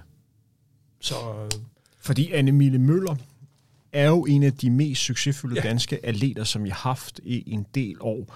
Vi var begge to til stede til verdensmesterskabet i cross i 2019, hvor hun imponerede med at blive bedste Bestemt. ikke-afrikansk født løber ja. på en placering som nummer 15. Ja. Og så er der sikkert nogen, der har med nummer 15. Ja. Men det er altså en fantastisk ja. bedrift. Og det var et år, hvor hun også satte dansk rekord på, på 5.000 meter, og var rigtig godt med i finalen på 60 forhindring i, ja. i Doha. Lad os gå gå lidt videre, og så fokus på, på dansk atletik, og så lige have fokus på, hvor vi står lige nu her. Du nævnte Annemile Møller, men vi står også i en tid nu her, hvor vi har sagt farvel til to af de atleter, som har domineret de sidste 10-15 år. Sara Slot har indstillet sin karriere, blev meget flot og meget fortjent en del af, af Danmarks Idrætsforbund Hall of Fame. En anden løber, som også stoppede sin karriere, som måske ikke har fået den helt anerkendelse, som man burde, det er nemlig Andreas Bube. Og vi snakker altså om en løber, der er på en svær distance, 800 meter, fordi niveauet er højt, har været, jeg mener at tale sammen til fem europæiske finaler, mm. har fået øh, to medaljer, to gange sølv, han vandt sølv ved Europamesterskabet i Beograd i 2017, og så vandt han også ved Europamesterskabet i Helsinki i 2012. Det er altså dem, som har tegnet dansk atletik, når vi snakker om medaljer ved de store mesterskaber. Hvem er deres afløser nu her? Den oplagte svar, når vi kigger på mesterskabet, det vil jo sige øh, Benjamin. Anne-Mile ligger lige nu og svæver, hvor hun, hvor hun står henne. Ja. Det kan også være en, en Kojo, øh, som ligger nummer 14 på Europaranglisten sidste år på, på 100 meter med hans 10-14 tid. Er det de oplagte lige nu her? Altså, hvis vi kigger isoleret på, hvad de præsterer, øh, så vil jeg sige, ja, hvis Kojo går hen og løber omkring 10.00, så selvom han måske ikke engang ville kunne komme i en OL-final på det, så vil han pludselig være den, man skriver historie om. Den fortælling kommer til at gå på, øh, at når han går i blokken, så får vi at se noget, som vi ikke har set før af en dansker. Og sådan kan det også være med Mette Graversgaard og så videre. Så jeg tror, en, jeg tror, det kunne sagtens være nogle af de sprinter her, som vil være, hvad skal vi sige, dem, der vil tegne butikken i forhold til, at det er sjovt at se på. Og så er det næste kunne så blive, desværre har vi jo haft en højdespringer, som var vanvittig god, som aldrig fik helt det potentiale ud af det, som han havde. Han har sprunget 2,28 meter det er Jannik Clausen for Aarhus 1900. Han var i virkeligheden også en, hvis man havde kunne få det til at hænge sammen, som man ville have sagt, det her det er altså helt unikt. Når man tænker på hans højde, fysiske højde, og hvor højt han sprang, han var unik.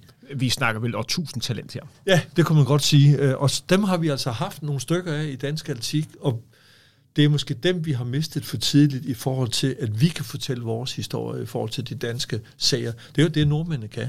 Nu ved jeg godt, at nordmænd har også på en Ingebrigtsen-familien. De har en Varholm, som både kunne blive europamester på 400 meter og 400 meter hæk, og måske rundt købet kunne komme i en finale på OL på en 400 meter, samtidig med at han vandt 400 hækken. Så de har været gode til at finde gode folk og dyrke dem.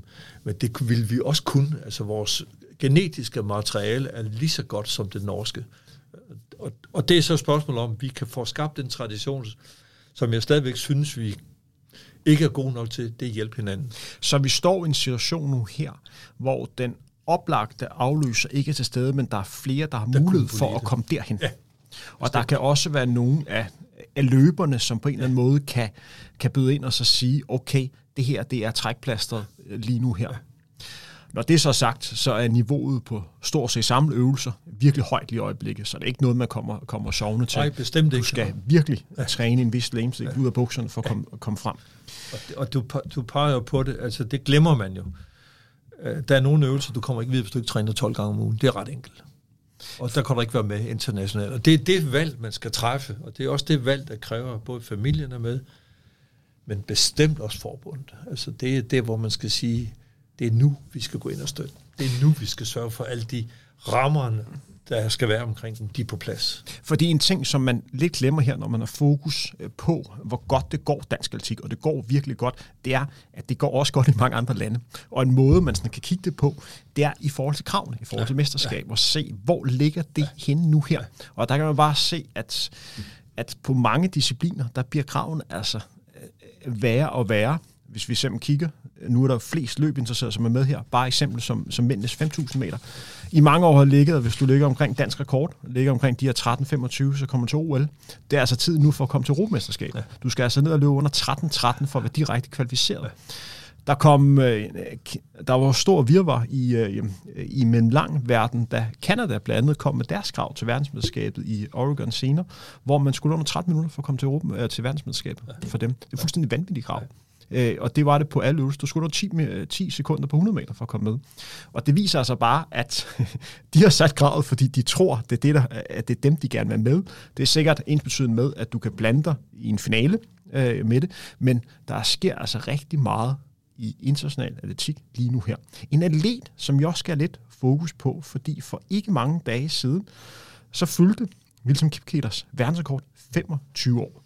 Vi spoler tiden tilbage til 1997. Jeg ved, at du kan huske den dag, hvor Wilson starter med i indledende heat på 800 meter og sætte verdensrekord, som ingen havde regnet med skulle komme på det tidspunkt. Kan du huske? Kan du sætte et ord på uh, Wilson Kipketers verdensrekord? Ja, jeg, jeg synes i virkeligheden, øh, jeg ved godt, at han ikke har verdensrekorden på banen mere, men den præstation, han laver, hvor han sætter to verdensrekorder i, i de to løb, han løber. Han har vel stadigvæk indendørs? Han har indendørs stadigvæk, ja, ja men den udendørs verdensrekord har han ikke længere. Det er måske de to bedste 800 meter, der nogensinde er løbet med så kort mellemrum. Samtidig vil jeg sige, da jeg ser ham løbe, især da jeg ser finalen, jeg, var inde, jeg har været inde og analysere på den, øh, og det er ikke kun fordi vi to skulle snakke om det, men, men den måde, han løber den på, jeg har været inde og kigge på, hvad går hans forskellige 200 meter på, han ligger og løber omkring øh, på anden, tredje og fjerde runde øh, af 200 meter, der ligger han løber lige omkring 26 sekunder. Det vil sige, at han har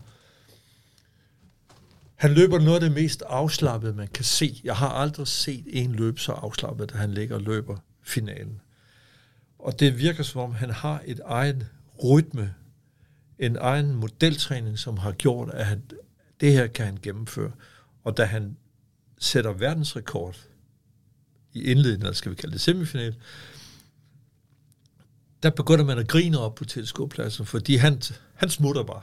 Og så er det sådan noget med, jeg tror ikke engang, de har tænkt på, kan I følge med eller ej? Jeg tror, det har været en prøven på, hvor hurtigt kan jeg løbe på den måde her, at, at hvis jeg løber den sådan og sådan. Og da man så kunne se pludselig, at Wilson, han fortsatte altså bare. Det var ikke kun for at få hullet, og han satte verdensrekorden, så klapper man. Men man kan se, at det her det er en unik præstation. Den gentager han så igen i finalen. Han ligger i det felt, men det, det er ham, der ligger forrest, og det er andre, de beskedne vil I med, så kører vi. Og man kan bare se den sidste 200 meter, altså fjerde omgang, der har han fuldstændig øh, styr på løbet, og han løber bare fra den. Og for mig at se, at det nok det bedste, bedste 800 meter, jeg nogensinde har set. Og jeg er, på den måde er jeg ked af, at han ikke fik chancen for at være med ved OL i 96, da han ikke fået en statsborgerskab. Jeg er sikker på, at der kunne han have vundet OL-guld dengang. Og at han ikke når det og vinder OL-guld senere, det er så ærgerligt, men jeg, jeg, det er svært at vurdere æble og pære mod hinanden, men jeg mener, når han har været bedst, er der ingen, der har kunnet følge ham. Fordi vi snakker i en finale, hvor det ender med at løbe, jeg mener det er 1.42.67, at han, han får noteret. Det er et løb, hvor alle andre er statister. Ja. Og det eneste måde, man kan se på, at det her går rigtig, rigtig hurtigt, det er de løber, han løber med. Fordi han ser så afslappet ud på alle fire gange 200 meter. Stort set identisk hastighed. Han ligger lidt hurtigt ud øh, i starten, men ellers så er det bare, øh, hvad kan man sige, stabile tider. Og rent løbeteknisk er det på et rigtig, rigtig nærmest umenneskeligt højt niveau hele vejen igennem. Jeg genså løbet øh, i går på mange måder. Det perfekte løb, der er løbet her. Et fuldstændig umenneskeligt højt niveau, han viste med den lejlighed. Men jeg har ikke været inde og se på hans skridtlængde. Det kunne man sikkert sagtens finde ud af. Men det kunne være sjovt at se på de sidste 200 meter, hvor han stadigvæk løber stærkt, om hans skridtlængde bliver langt der, eller om han stadigvæk løber så afspændt, så han i virkeligheden måske stort set har samme skridtlængde på de 7 ud af de 800 meter. Altså, det ser så, som du siger, så afslappet ud, så man tænker, jamen, du slås jo ikke mod din egen krop. Der er noget, der tyder på, at du simpelthen har fundet den rigtige skridtlængde, den rigtige rytme, men det svarer også til det, du kan lave, altså din anaerobe kapacitet det, øh, jeg sad og så på den også i går, fordi du, du nævnte for mig, øh, og du skrev det til mig, om, jeg, om vi kunne vende tilbage, fordi det er 25 år siden. Og det kan vi, og det er netop fordi, det er så fremragende et løb. Og hvis der er nogen, der har lyst til at se det, så kan det findes på YouTube, er jeg næsten sikker på. Jeg skal nok smide et, et link ja, op det til er, Det er fremragende, hvis du kan finde det også fra indledningen, hvor, hvor man i starten sidder og griner. Her kommer der altså en dansk afrikaner. Ah, og så ser man, hvordan han lukker munden på den. Det er, det, det er en fantastisk oplevelse. Og man kan jo bare være stolt af, at det er en dansk løber, som har øh, præsteret det, fordi det er en tid, hvor ingen andre løber bare har været i nærheden af det. Og det er en tid, jeg har svært ved at se, at den bliver slået lige forløb. Ja. Men du peger på noget andet, som det bliver måske lidt polemisk, når jeg siger det. Var det lykkes med en dansk træner? Puha, øh, det, er et, det er et svært spørgsmål. Altså, det, jeg, når jeg tænker på Wilson Kikpeter, og jeg har været så heldig at møde ham en del gange, jeg har faktisk også øh, trænet under ham på, på en træningslejr, det er, at en, hans meget afslappet tilgang til at træne, men også hvor langt han er gået for at nå sin mål. For vi snakker rigtig, rigtig mange måneder på træningslejr i Polen, med det eneste fokus, det er at blive en bedre løber. Og han har også, hvad kan man sige, virkelig øh, designet sit liv til at præstere på de her to omgange. Det kan godt være, at det ikke var lykkes med, øh, med en dansk træner, men det, der var rigtig vigtigt, det er, at han fandt den træner, som var en rigtig for ham. Jeg ved, at han, da han kom til Danmark sammen med hans øh, landsmand Robert K., så kom han ind og trænede under sammen med Henrik Larsen, som var træner for mange af de her 80'er-løbere, start 90'erne. Og Henrik Larsen kunne se, at det her var jo en af de største, den han nogensinde arbejdet med, hvis det ikke det største. Men hver eneste gang det regnede, så var han nødt til træning. Mm. Og det gad Henrik ikke arbejde med. Nej. Så derfor røg han jo videre i, i systemet. Og så var det så vores, øh, vores ven fra Polen, det var Novak, var det ikke, han hedder? No, no. Som, som tog ham op og gjorde ham rigtig, rigtig god.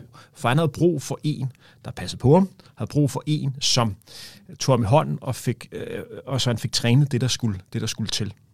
Og det var også noget, der, der kendetegner hans, hvad kan man sige, hans landsmand, Robert K. Øh, han blev trænet af Thomas Noland, som var øh, Henrik Larsens lærling. Selvom Robert K. han løb 3.31 på 1500 meter, og en periode over fire år var han ingen at slå igen øh, i et Giroud. Det med at lade styrketræne, det gad han ikke. Så han blev, Thomas blev nødt til at stå der hver eneste gang, han skulle lade styrketræne, fordi ellers holdt han fri. Det gad han ikke. Men, men, men det, du peger måske også på, præcis på det der, urtalent, som gør, at man nogle gange glemmer, at der skal også være noget, noget basistræning til. Altså det der med styrketræning, som du siger. Og, og, og jeg tror måske, nu er vi ude på gætteriet, fordelen ved, at han har trænet i Polen der, men allerede dengang havde en lang tradition for at skabe 800 meter løber i Polen. Og det har man jo stadigvæk. Så det vil sige, der ligger også en del af den fortælling, man har brug som aktiv. Det her, det ved de noget om. Og jeg er selvom jeg synes, det regner, ja, så står der altså en polsk træner, der siger, nu kan du sgu godt komme op, og nu er det nu, og så videre.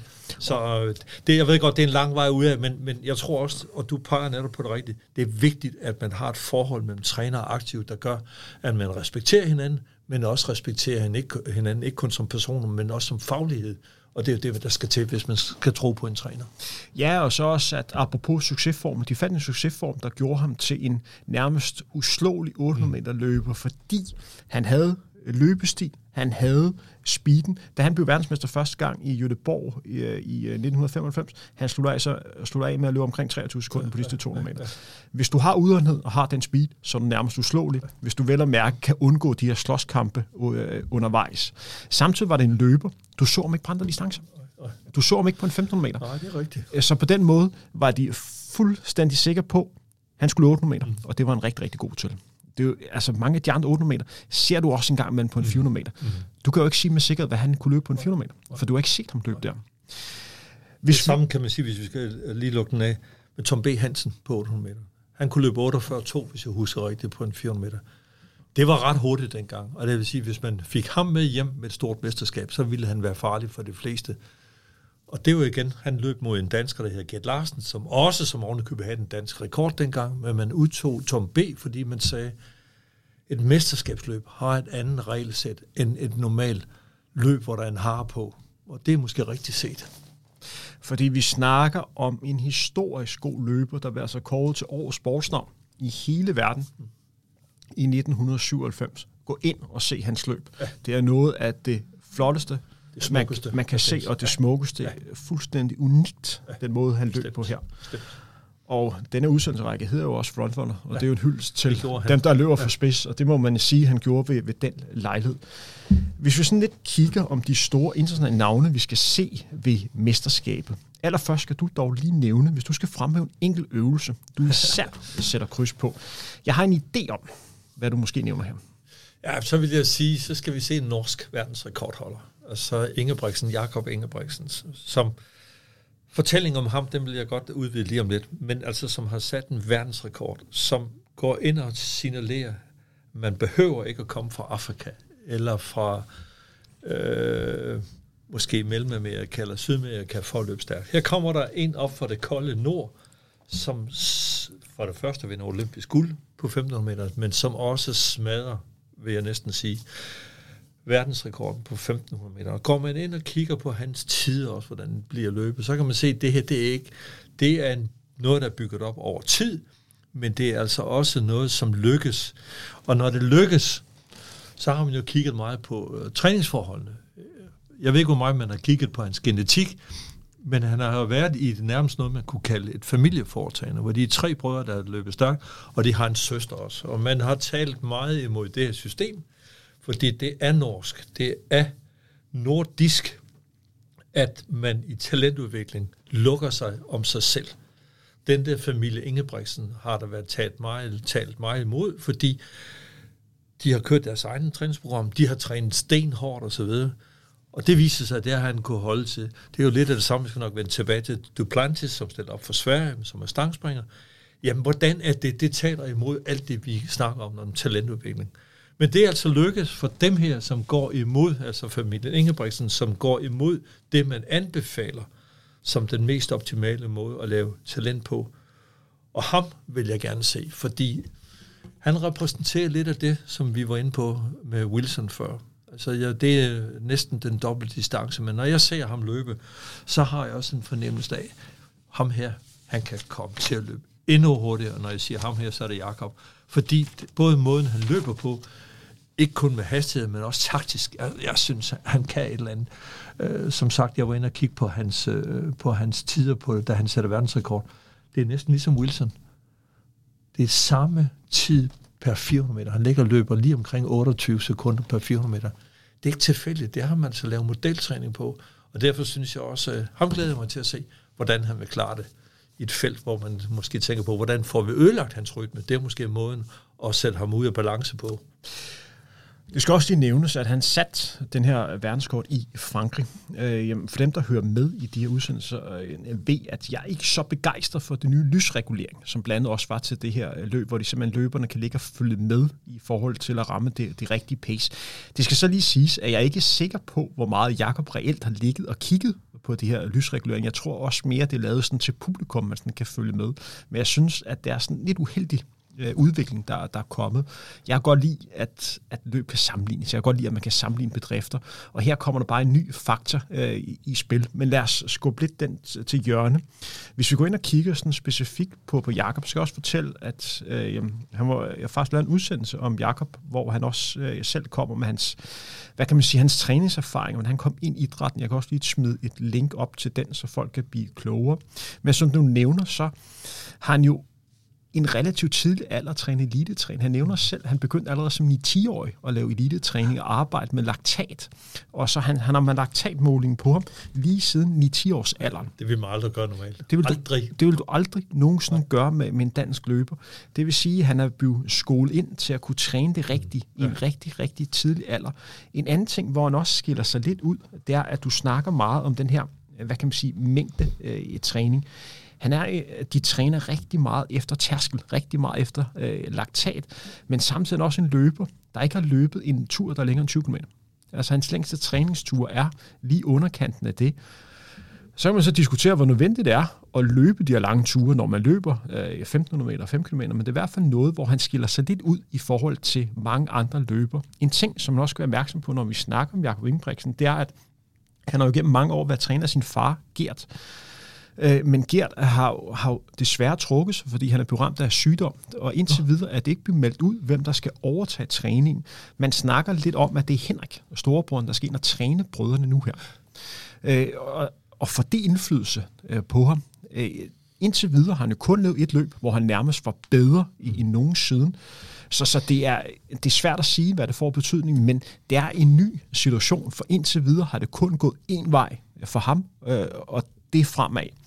Og, øh, og jeg tror, hvis man skal slå ham, så skal man lave noget ekstraordinært. Du skal presse ham på en eller anden måde, fordi han er så taktisk stærk, så man skal gøre noget udventet på en eller anden måde for ham lidt på, på udebane. Jeg, jeg har, altså, så det handler selv om at prøve at sætte ham i en situation, hvor han føler sig utryg.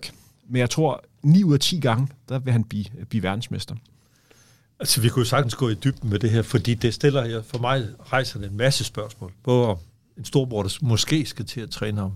Betyder det noget for måden, man træner hinanden på, hvis det er brødre? Og der er mange fælles historier. Altså, og det, og jeg, jeg, jeg synes, det er... De næste to år må jo vise, om det fungerer eller ej. Øh, og i forhold til det, du snakker om, man har sådan en, en, en lyskejle eller et eller andet. Jeg tror bare, det er... Øh, overordnet set er jeg helt enig med dig. Fordi ellers er det svært at sammenligne tider, der er løbet i 70, 80 og så videre. Jeg er bare bange for, at fjernsyn, formidling af det, kommer til at sætte dagsordenen, og det har vi snakket om lige i starten. Der er nogle øvelser, der er kun 12 med, altså kun 12 deltagere. Det betyder jo også, at man kan næsten blive ramt af mismod, når man ser de krav, du nævnte kanadierne før. Og jeg ved ikke, om det er en rigtig vej at gå. Men for ham og for nordmændene, det, taler, det de laver, taler imod al talentudvikling, når vi tænker på det rationelt. Men det har måske præcis passet til dem, og det er jo meget godt med udgangspunkt i det, vi snakker om. Kan vi bruge den samme skabelon på alle, når de når til et vist øh, niveau? For mig er det helt uhørt, at man laver en laktattest på en 10-årig, en 10-årig. Det er, jeg ved ikke, hvad man skal bruge det til. Men det kan de jo. Om ikke andet, så kan man måske bruge det motivationsvis. Jeg kan ikke gennemskue det for at sige det. Ja, og så er der sikkert, der er rigtig mange, som sidder og siger, ja, man har trænet for hårdt i en tidligere. Ja, det har jeg selv sagt. Og så kan man så konstatere, at han i alder af 21 år er blevet ja. olympisk mester. Ja. Han har vundet et utal af europamesterskaber, ja. og han har en verdensrekord. Det kan godt være, at han ikke har en karriere, der holder længere end fem år til. Men hvis han har vundet mere end alle andre, ja. er det så ikke det værd? Og det er jo et rigtig svært spørgsmål. Ja, men jeg synes, du, du tager fat i noget. Jeg har også selv måttet revidere min egen opfattelse. Nej, ikke som basis. Hvad er talentudvikling? Hvordan skal det bygges op? Øh, og spørgsmålet er, om talentudvikling bare skal bygges op om enkeltpersoner. Og dem der, der hvis vi kigger på sådan, en, hvad talent er, så er der helt ude i den ende, hvor vi har de absolute største talenter, og så er der nogen, der ikke har talent. Og det, jeg er bange for, øh, det er, at vi begynder at måle på noget, som ikke har med talent at gøre. Hvis jeg, gik, jeg har været rundt og kigge på højdespring i 14-15-årige drenge, og dem, der vinder, det er dem, der har mest testosteron i kroppen. Det vil sige, det er dem, der er op til 25 cm højere end deres holdkammerater, og dem, der er i samme aldersgruppe, så vinder man i højdespring. Men dem, der teknisk springer bedst, det er dem, der er mindre, og det er dem, der på et tidspunkt overhaler dem. Det sker. Og det er sådan noget, man kan sige, det er så den almene holdning til talentudvikling. Vi skal have flest muligt ind, sådan så vi kan bygge videre på det. Og så kan du sige Duplantis også, som jeg også håber som, at se, han har sat verdensrekord, helt unik verdensrekord i stangspring. Han kommer fra Sverige, bor i USA. Hans far er tidligere stangspringer. Faren har sprunget 5,75 på Aarhus Stadion, der er hans personlige rekord fra. Moren er tidligere syvkæmper. Og den knæk der, han har leget stangspring hele livet. Hans storebror er stangspringer, hans lillesøster laver atletik. De har bygget hjemmet op om alt muligt forskellige. Han kan springe, de har deres egen stangspringsanlæg. Og det har været leg, leg, leg. Nå ja, det vil jeg også have talt imod og sagt, ah, pas på, at han ikke bliver slidt op. Han har alle verdensrekorder for 14 år, 15 år, jeg kan blive ved. Det taler måske også imod det, man normalt siger. Men hvis det her har været leg hele vejen igennem, så må jeg jo revidere min opfattelse af det. Det kan altså også lade sig gøre, hvis man gør det i et, skal vi kalde det, sikkert miljø, i et øh, transparent miljø, hvor man også kan huske lejen. Så, øh, og vi, og du vi, kan bare se, hvor forskellige at modeller man kigger på. Ja, der er jo, altså, der er jo forskellige modeller, hvor man kan sige, at vi har jo selv øh, måske prototypen på øh, en model herhjemme. Det er jo nemlig Sara Slot, ja. som har taget øh, turen igennem øh, hele systemet, lige skulle have på mesterskab for lige at finde ind, og så ramte hun, og så havde et par år, hvor hun virkelig øh, toppede. Og det er på mange måder den, den danske model. Men det store spørgsmål er, findes der en rigtig model, og er vi ikke bare øh, forskellige til syvende og sidst? Så har vinderen som regel altid ret ja. i forhold til, hvordan man, man gør.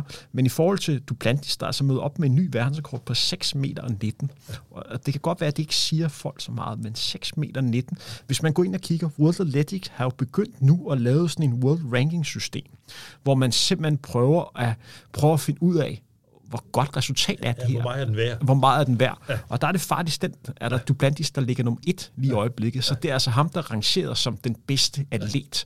Og der kommer man altså ind og kigger og prøver at sammenligne alle discipliner med en anden, og der er jo ikke den ene størrelse, hvor der er verdenskort. Og det er altså den bedste atlet, vi har i verden lige i øjeblikket. Hvis vi ellers kigger på, på 60 meter, og der skal vi se en, en løber, der hedder Marcel Jacobs, som, øh, som stiller op for Italien. Og det er en løber, som jeg første gang rigtig lagde mærke til ved Europamesterskabet for et år siden, hvor han blev Europamester på 60 meter. Senere på sommeren, det var han første gang under 10 sekunder, stille op til, øh, op til OL, slog to personlige rekorder, ny europakort, øh, Europarekord i finalen og olympisk mester. Så vi fik altså en italiensk mester på, på 100 meter. Der var altså afløseren for Bolt, der ellers har vundet i 8, 12 og 16. Hvis vi lige først har fokus på det, når vi stiller tilbage til starten af august 2021, havde du i den vildeste fantasi forestillet dig, at den nye olympiske mester, aftageren for Bolt, skulle komme fra Italien? Nej. Men det skal siges, at Italien har jo en sprinttradition. De havde engang en sprinter, der hed Pietro Manea, som havde verdensrekorden på 200 meter, som han satte i Mexico City, som, hvor vi også havde den danske rekord, blev sat af en sprinter, der hedder Jens Hansen. Øh, han sætter oven i købet personrekord fire gange under OL. Han løber 9,96, 9,94, 9,84 og 9,80 i finalen. Det er fuldstændig uhørt. Og du stiller det rigtige spørgsmål. Var det en statistisk tilfældighed? Eller er det bare et udtryk for, at nu hang det sammen for ham? Jeg kender ikke svaret. Øh, men noget af det, jeg har kigget på, det er, ja, hvordan udvikler hans løb sig i finalen? Og det er for at sige noget om, hvor, hvor, hvad er, hvor er han styrker hen. Øh, der var en kineser med, der hed Su, som øh, fører meget tidligt Øh, og det er sådan en, man kigger på, hvor hurtigt er han. Man har jo gået ind og se på, jamen, hvornår har de deres tophastighed og så videre. Og der er altså noget, der tyder på, at Lemon Jacobs, han rammer alt det, han skal ramme for at løbe stærkt. Og det bliver så, nu har jeg set, at han har altså løbet stærkt hele vinteren her. Så der er noget, der tyder på, at han har fundet en formel. Men i alle andre sammenhænge vil man have sagt, det her det ligner en tanke, hvis man går hen og forbedrer sig så meget. Er der et eller andet galt? Altså du ved, hvad jeg tænker på. Er det fordi, han har, har et specielt øh, styrketræningsprogram, et specielt kostprogram, eller alt muligt andet? Der er ingen tvivl om, at han er blevet gennemtestet. Men det er så stor og så markant en forbedring, at man tænker, hvor kommer det fra? Ja. Fordi i Italien var på mange måder et lidt et overraskende land ved OL, fordi de fik, jeg mener, det var fire eller fem mm. guldmedaljer ved den lejlighed.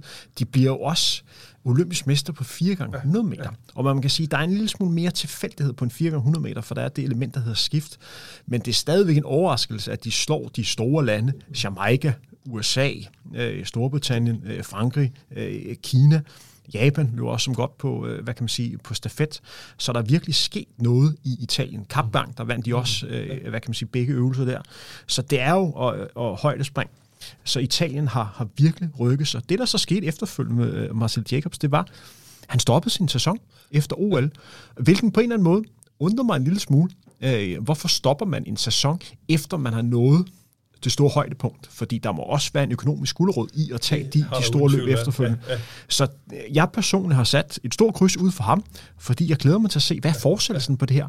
Vil det være en afviger, som stikker lidt ud, eller vil det her være starten på en ny epoke? Fordi hvis han har en sæson, hvor der er to verdensmesterskaber og europamesterskab, hvor han måske kan lave fuldt hus, så vil jeg altså begynde at snakke om ja, den, den næste store sprinter. Fuldstændig rigtigt. Altså, men, men, men det med, at land har succes, det kender du jo også fra andre idrætsgrene, og vi kan også tage atletikken. Holland er et fremragende nation, og som har været meget markant i lang tid. Jeg kan ikke huske, om at de bor der 20 eller 22 millioner i Holland. Og det er igen det, vi var inde på før. Det er jo nogle gange, man skaber sin egen historie, sin egen selvforståelse, for at man kan blive god i en idrætsgren. Og det vil sige, hvis man pludselig i Italien både har haft det genetiske materiale med nogen, der kan løbe stærkt eller springe højt osv., jamen så bliver det selvforstærkende. Og du kan tage hvis jeg skal vende tilbage til Holland, de var ingenting for at sige det, de var på dansk, da jeg spiller håndbold, det var røv og nøgler i håndbold. Kvinderne går hen og bliver verdensmester i håndbold. De kendte ikke til noget til håndbold for 20 år siden. Så sender de alle deres spillere til udlandet. De spiller en stor del af dem i Danmark. Nogle tager til Norge. Pludselig bliver man verdensmester i håndbold. Og, og det er jo igen noget, det har måske igen noget at gøre med en satsning og fokus på nogle bestemte områder. Det er det, jeg tror, vi kunne blive rigtig gode i Danmark. Der kunne vi lære ret meget mere af de andre lande. Fordi du nævner selv uh, Holland, og, og Holland stiller også op med, med en trup, mm. hvor du blandet på 400 meter stiller op med favoritten både for herrer og damerne. Uh, Bonavacia, jeg håber, jeg udtaler hans navn korrekt, møder op med den bedste øh, hvad kan man sige, årsbedste af de løber, som så start med 45-48, og så har vi en Femke ja. på kvindernes 400 meter, som har løbet en af de hurtigste tider af en europæisk øh, løber i, igennem tiderne. Så du siger det selv, der sker virkelig noget i hollandsk øh, atletik. Jeg tror, Sarah, hun vil sidde og nække her på, når hun skal se hende løbe. Hun er altså 400 meter hækkeløber også. Og Sarah har mødt hende på 400 meter hæk og Femke Bol, hun er så fremragende. Det er næsten Varholm-historie, både på 400 meter flad og 400 meter hæk. Og sådan øh, er det også her. Det bliver spændende at se, hvis vi går ind og kigger på de store navne, som vi skal lægge mærke til ved, ved de her mesterskaber, dem som man lige skal lægge et ekstra øje til. Jeg har noteret nogle navne, og du må gerne byde ind. Ja, øh, jamen. Jeg lytter. Jeg har jo Duplantis, ja. Jakob Ingebrigtsen, ja. Skal vi næsten også nævne, at vi har en rigtig, rigtig stærk amerikansk kuglestøder med, ja, ja. Ryan Krauser, ja. som, hvis han rammer dagen, godt kan sætte øh, ny verdensrekord. Og så har vi også nævnt øh, Femke Bole.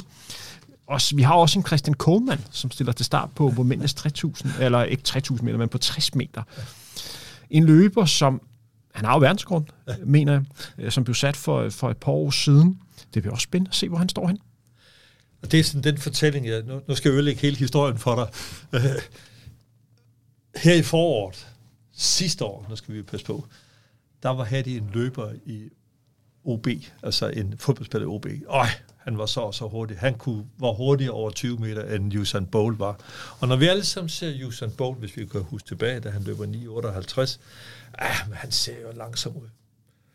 Hans gennemgangstid på 60 meter, da han sætter sin verdensrekord, den er hurtigere end verdensrekorden indendørs på 60 meter. Det siger bare noget om Usain Bolt. Han var så hurtig, som man, den fortælling fik man aldrig og det siger bare noget om de verdensrekorder, der nogle gange står indendørs. Den, der står på 60 meter, det er en fremragende tid. Det slog Usain Bolt, altså som mellemtid på, da han satte verdensrekord. Det er mere for at sætte det i perspektiv, hvordan man kan fejlbedømme folk. Og fortællingen er jo om Usain Bolt altid, ja, han accelererede til sidst og løb frem. Nej, det gjorde ikke. Han var den, der gik mindst ned. Han er den, man har målt den højeste tophastighed på. Og så vender vi tilbage til det andet. Altså, når vi kommer til kuglestød. Krauser, som er den, der har stødt længst i verden. Han har nogle data, og det er jo sjovt at kigge på sådan noget. Fyren, han er to meter og en høj. Det lyder ikke så meget. Han vejer til gengæld 145 kilo. Og jeg var inde og kigge på, hvad han kan lave, for eksempel i, i øh, hvad hedder det, sådan noget som styrketræning. Og noget af det, han går ind og laver, så kan I prøve at gå ned og lege med det ned i en vægtkælder. Han har lavet 50 gentagelser med 102 kilo i, i bænkpres. Det siger bare noget om både hans udholdenhed, og så har han lavet en masse, hvad hedder det, spring. Hans vertikal, altså hvor højt han kan springe, det er 86 cm, og hvor langt han kan springe, der kan han springe 3 øh, meter 23. Det vil sige, det er altså en, der ikke kun er bumstærk, men det er altså også en, der er så eksplosiv, det er måske det, der kendetegner vi, øh, kasterne. Vi undervurderer i virkeligheden, hvor eksplosive de er, fordi de ser så store ud. Og noget af det, jeg vil prøve, hvis jeg skal anbefale, hvis I skal se kuglestød, så prøv at se ham. Den store klipper, når han går ind i kuglestødsringen. Og så se, der står en mand der, og som skal til at støde 7 kvart kilo ud i kasteretning. Prøv at se, hvor hurtig han er. De er altså så vanvittigt eksplosive. Det er sådan en fyr, jeg glæder mig til at se. Men det er også en atletikscene lige nu her, hvor at du nævnte ham selv, Usain Bolt, hvor man godt kan argumentere for, at vi mangler det helt store verdensnavn. Det navn, hvor de er ikke atletikinteresserede tænde til op, fordi de skal se den her store stjerne. Og det er måske det, som atletikken mangler lige nu her. Det store trækplaster. Vi har flere navne, blandt andet Duplantis, Jakob Ingebrigtsen, Ryan Krauser, øh, som er jo fantastiske atleter, men mangler lige det her ekstraordinære. Så vi står over en tid nu her, hvor vi alle sammen glæder os til, at den næste store atletikstjerne kommer op, der virkelig kan, kan løfte øh, det hele. Og det er du vel enig i, at vi lige mangler den her person, som skiller sig ud. Jamen, jeg synes, du har nævnt to allerede. Ingebrigtsen og Duplantis. Er vi oppe og snakke Usain her? Nej, det, det, og han kommer ikke forløbe. Det tror jeg ikke på. For Usain Bolt kunne også noget andet. Han kunne iscenesætte sig selv, men alle husker de der positurer, han indtog, når han har vundet mesterskab. Men Duplantis har en ungdomlig glæde, som han udtrykker, når han springer. Det kan, det kan, for mig kan det sælge mig, at man ikke kun er vinder, men man er også udadvendt. Man kan fortælle en historie med sin krop og Ingebrigtsen, han kan fortælle en anden historie. Og det tror jeg, det er det, der skal til. Men du har fuldstændig ret. De har ikke det samme som Usain Bolt, men de kan sagtens have noget, som også kan skabe øh, et seertal. Og det tror jeg, altså blandt andet Duplantis og Varholm kan måske også blive det. Altså Varholm, som kommer fra at være 10 kæmper, han har vundet verdensmesterskaberne i otte kamp, og som udvikler sig til at blive verdens bedste hvad hedder det, 400 meter hækkeløber, og han har, så vidt jeg kan huske, Europarekorden på 400 meter flad. Altså, det er en kombination, man ikke har set. Han er også meget udadvendt. Så de der, de der personer, som også kan smile og grine, og være med til at skabe, øh, hvad skal vi kalde det, glæde ved idræt, som jeg også mener, Wilson kunne. Det er sådan nogle, vi skal have til, og de findes altså. Og jeg vil anbefale jer, kære lytter, lige sæt jer ned og så prøv at nyde sådan en stangsmandkonkurrence. Ja dem, som kender mig, ved, at jeg har en, en forkærlighed for, øh, hvad kan man sige, for, for de lidt længere løb. Men helt ærligt, en af de største sådan, wow-oplevelser inden for atletikken, jeg har haft de sidste par år, var en stangspringkonkurrence, hvor blandt Duplantis også var med. Vi er tilbage til Europamesterskabet i øh, øh, var det Berlin i 2018, hvor Duplantis og hans europæiske konkurrenter, de simpelthen bare udfordrede sig selv på et helt ekstraordinært niveau. Og det var derefter, hvor jeg bare sad og tænkte, wow, jeg vil se mere af det her. Det var virkelig øh, fascinerende. Så nogle gange skal man også bare sætte sig ned, og så give sig selv den mulighed for at opleve noget nyt. Fordi det er en helt ekstraordinært atlet, som vi har nu her. Den sidste ting, som vi skal snakke om, inden vi lukker ned for i dag, det er jo noget, som man altid har fokus på med sådan et mesterskab. Det er, får vi nogle nye verdensrekorder? Vi kan jo lige nævne, at to af de atleter, som vi har snakket om, møder op med dufriske verdensrekord, eller tre af dem. Det er jo Duplantis, Ingebrigtsen og Ryan Krauser, har alle sammen så verdenskort her for, øh, for nyligt. Vi kan vel godt udelukke, at mange af de her løbedistancer, de lidt længere løb, kan få, få, verdens, øh, få verdensrekord. Så det vil er vel nogle af de, de tekniske øvelser, hvis der skal komme en rekord. Ja, jeg vil, godt, øh, jeg vil egentlig godt profitere en med på 1500 meter. Jakob Ingebrigtsen? Ja. Men det er klart, øh, jeg mener, da han satte sin rekord, og det ved du mere om, end jeg gør, jeg mener, han har har på i starten. Det har han, ja. Og det vil sige, så er det et andet løb. Det vil sige, det er timet løbet, er timet via haren til, at man skal have nogle bestemte mellemtider. Og det er spørgsmålet, om Jakob han kan få lov til at skabe det løb alene uden uregelmæssigheder. Og så bliver det svært at sætte en verdenskort. Det er jeg enig med dig i. Kuglestød vil han kunne gøre. Hvis publikum er med, hvis man i Beograd får klappet ham frem, de har nemlig også en selv en god kuglestød, kan man skabe en, en situation der, hvor man står langt i kugle, så vil jeg godt tro, at han kan se verdensrekord. Og i stangspring også. Men det er et spørgsmål, om der sidder x antal tusind og klapper i hænderne. Fordi den, når han går i gang med at springe over 6 meter, eller 6,05, så er der ikke andre med. Det, der taler for, at vi får en verdensrekord på, på mændenes 1500 meter, er det faktum, at hvis Jakob Ingebrigtsen, han rammer dagen, ja. så bliver han verdensmester. Ja. Så på mange måder er det måske den mest sikre måde, han kan løbe på. Apropos Wilson Kipketer. Ja. Hvis du er den bedste, hvorfor ikke vise, at du er den bedste? Ja, ja, men du har fuldstændig ret. Jo længere tid du venter, jo flere tilfældigheder ja, ja. kan der komme i spil. Ja. Og du ved aldrig, hvornår du får chancen til at sætte verdensrekord. Det er rigtigt, ja. Uh, apropos uh, Wilson, ja. som måske var løberen, der kunne bryde den her 1,40-grænse. Ja. Ja. Hvis og hvis, uh, at tingene ikke havde udviklet sig, så, som, de, som de gjorde. Så det kan meget vel være argumentet for. For man skal også lige nævne i forhold til Jacob Ingebrigtsen, det er, at han har faktisk ikke nogen medalje til verdensmesterskabet endnu. Han, uh, han kom lige ud fra top 3 øh, ved verdensmesterskabet i Doha, både på 1500 og 5.000 meter. Så øh, det er også for nyt for at blive, øh, blive verdensmester. Vi er ved at nå til, til vejs ende. Er der ting, som du synes, vi mangler at komme ind på? Nej, altså, øh, jeg synes, og det synes jeg, øh, ikke synes, men du ligger op til det flere gange. Prøv at kigge på atletikken, hvad atletik også har, udover at man kan løbe hurtigt på 1500. Man kan kaste langt i spyd. Det er måske en af de idrætsgrene, sammen med gymnastik, som arbejder mest med kropsudfordring, med bevægelighed. Og man kan prøve sig det, det er en lang række områder. Det er måske i virkeligheden sammen med gymnastik igen, den idrætsgren, hvor du med forskellige DNA kan nå utrolig langt. Og derfor vil jeg også øh, anbefale, se på atletik, blive inspireret, send jeres børn til atletik, hvis der sidder nogen, der har børn det, eller gå selv i gang, og så prøve at se, jamen hvad er det for noget det her? Det er altså ikke spørgsmål om at kun at løbe 20 meter eller 60 meter, noget af den stil. Der er altså meget andet. Så derfor lad os få nogle flere ind i atletikken, og være med til at gøre idrætten lidt bredere, end den er lige nu i, dansk, i Danmark.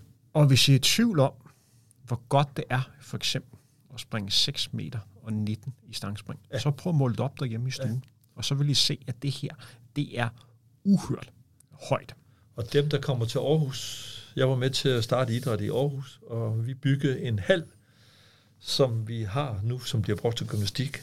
Hallen op til loftet, den svarer til Bubkas gamle verdensrekord, den er 6,14 meter og bredden i hallen, den svarer til den stående verdensrekord i træspring. Prøv at gå ind og kigge på det, så får I et billede af, hvad Bubkas gamle verdensrekord var, og hvad den nye verdensrekord er, den er altså højere end loftet, og hvad verdensrekorden i træspring er. Jeg ved ikke, om universitetet fandt ud af det nummer, jeg lavede, men det gjorde arkitekterne, og det er en god historie. Apropos gode historier, så synes jeg, vi skal slutte af med en, en historie, som har et par på bag, men ikke desto mindre rigtig. Vi har en dansk rekordhaver på mændenes længdespring, der hedder Morten Jensen, som blandt andet også har taget medalje ved Europamesterskabet i længdespring. For et år tilbage, vi er tilbage i 2007, så var vi i England sammen med en, en tredje gut, der hed Thomas Offersen. Vi var inde og se lidt fodbold, og på vej hjem. Det var efter sæsonen, så vi skulle lige ind og have en enkelt øl. Der møder vi nogle lokale, og der kommer til at, øh, til at snakke lidt. Der kommer Morten til at lidt fortælle, at han er længdespringer og sportet 8,25. Hende pigen, som vi stod og snakkede med, troede overhovedet ikke på Morten. Det kan du ikke. Du kan ikke springe 8,25. Så hun begyndte simpelthen at måle op. Hun havde sådan en målebånd med, og så målte hun op der på gågaden i Manchester. Og det der 8,25, det var jo vanvittigt langt. Og så sagde hun så, kammerat, vis hvad du kan. Hvis du kan springe 8,25, så vil jeg gerne se det. Og det var bare sådan, jeg stod bare og kiggede, og damn, det var langt hen. Morten han stod og kom med den ene undskyld efter den anden, men lige pludselig, der var måske første gang, det gik op for mig. Damn, hvor er det her langt? Det var simpelthen så langt. Og lige pludselig bare, for, når det blev målt op, på den måde kunne man bare lige pludselig se, okay, det her, det er ekstraordinært. Og det er det, man nogle gange skal til for at kunne forstå de her ting. Et andet, første gang, hvor jeg også fik øje på, kan du huske, vi havde en, en spydkaster, Lars Møller? Ja. Jeg kan huske, vi var på en universitettur, hvor vi står og kaster med sten ud i vandet. Ja. Og lige pludselig kan jeg se, damn, man kaster langt den der sten ud i vandet, mand. Altså, jeg, jeg, normalt plejer man at sådan køre det der blop, der kommer ned. Det kunne jeg slet ikke høre her. Så det var bare sådan, hvor man kunne se, der var altså bare fart i den her arm her. Så nogle gange skal der til. Ja, og hvis vi skal give det sidste fif, når I nu kommer til at se hækkeløb hos mændene. Hækken er 1 meter syv høj. Det svarer til dørhåndtaget ved de fleste døre. Og når de sætter af foran hækken, det gør de cirka 7-8 fod fra, det vil sige, det er 2 meter 10, 2 meter 20 fra, og så lander man efter, cirka 4 fod efter hæk. Prøv en gang at måle det op derhjemme. Og jeg kan også sige, verdensrekorden i højdespring, den er 2 meter 45. En nethøjde i volleyball, den er 2 meter 43. Prøv lige en gang at gå og se, den springer vi altså over. Det siger bare noget om, hvad atletik også er. Og med det, så vil, synes jeg, at vi skal lukke stille og roligt ned. Tak til dig, Jens B.C., fordi du havde lyst til at møde ind og gøre os klogere på det Velkommen. mesterskab, som man kan følge med på TV2, som du skal sidde og spike sammen med øh, Sara Slot ja. for fredag, lørdag og søndag. Det er vel TV2 Sport, I er på, kunne jeg forestille mig? Oh, det tror jeg, men ja. øh, tjek det lige en gang, fordi der er meget sport her i weekenden. Og, øh, og det er et mesterskab, hvor du kommer lidt på arbejde, for det er mange timer ja. hver eneste dag. Men jeg håber, I kære lytter er blevet klogere på det mesterskab, øh, som, som venter. Mit navn er Henrik Thiem. Det her var Frontrunner. Vi høres ved igen meget snart. Du har netop hørt en udsendelse for Frontrunner bragt i samarbejde med Saucony. Tak fordi du hørte med.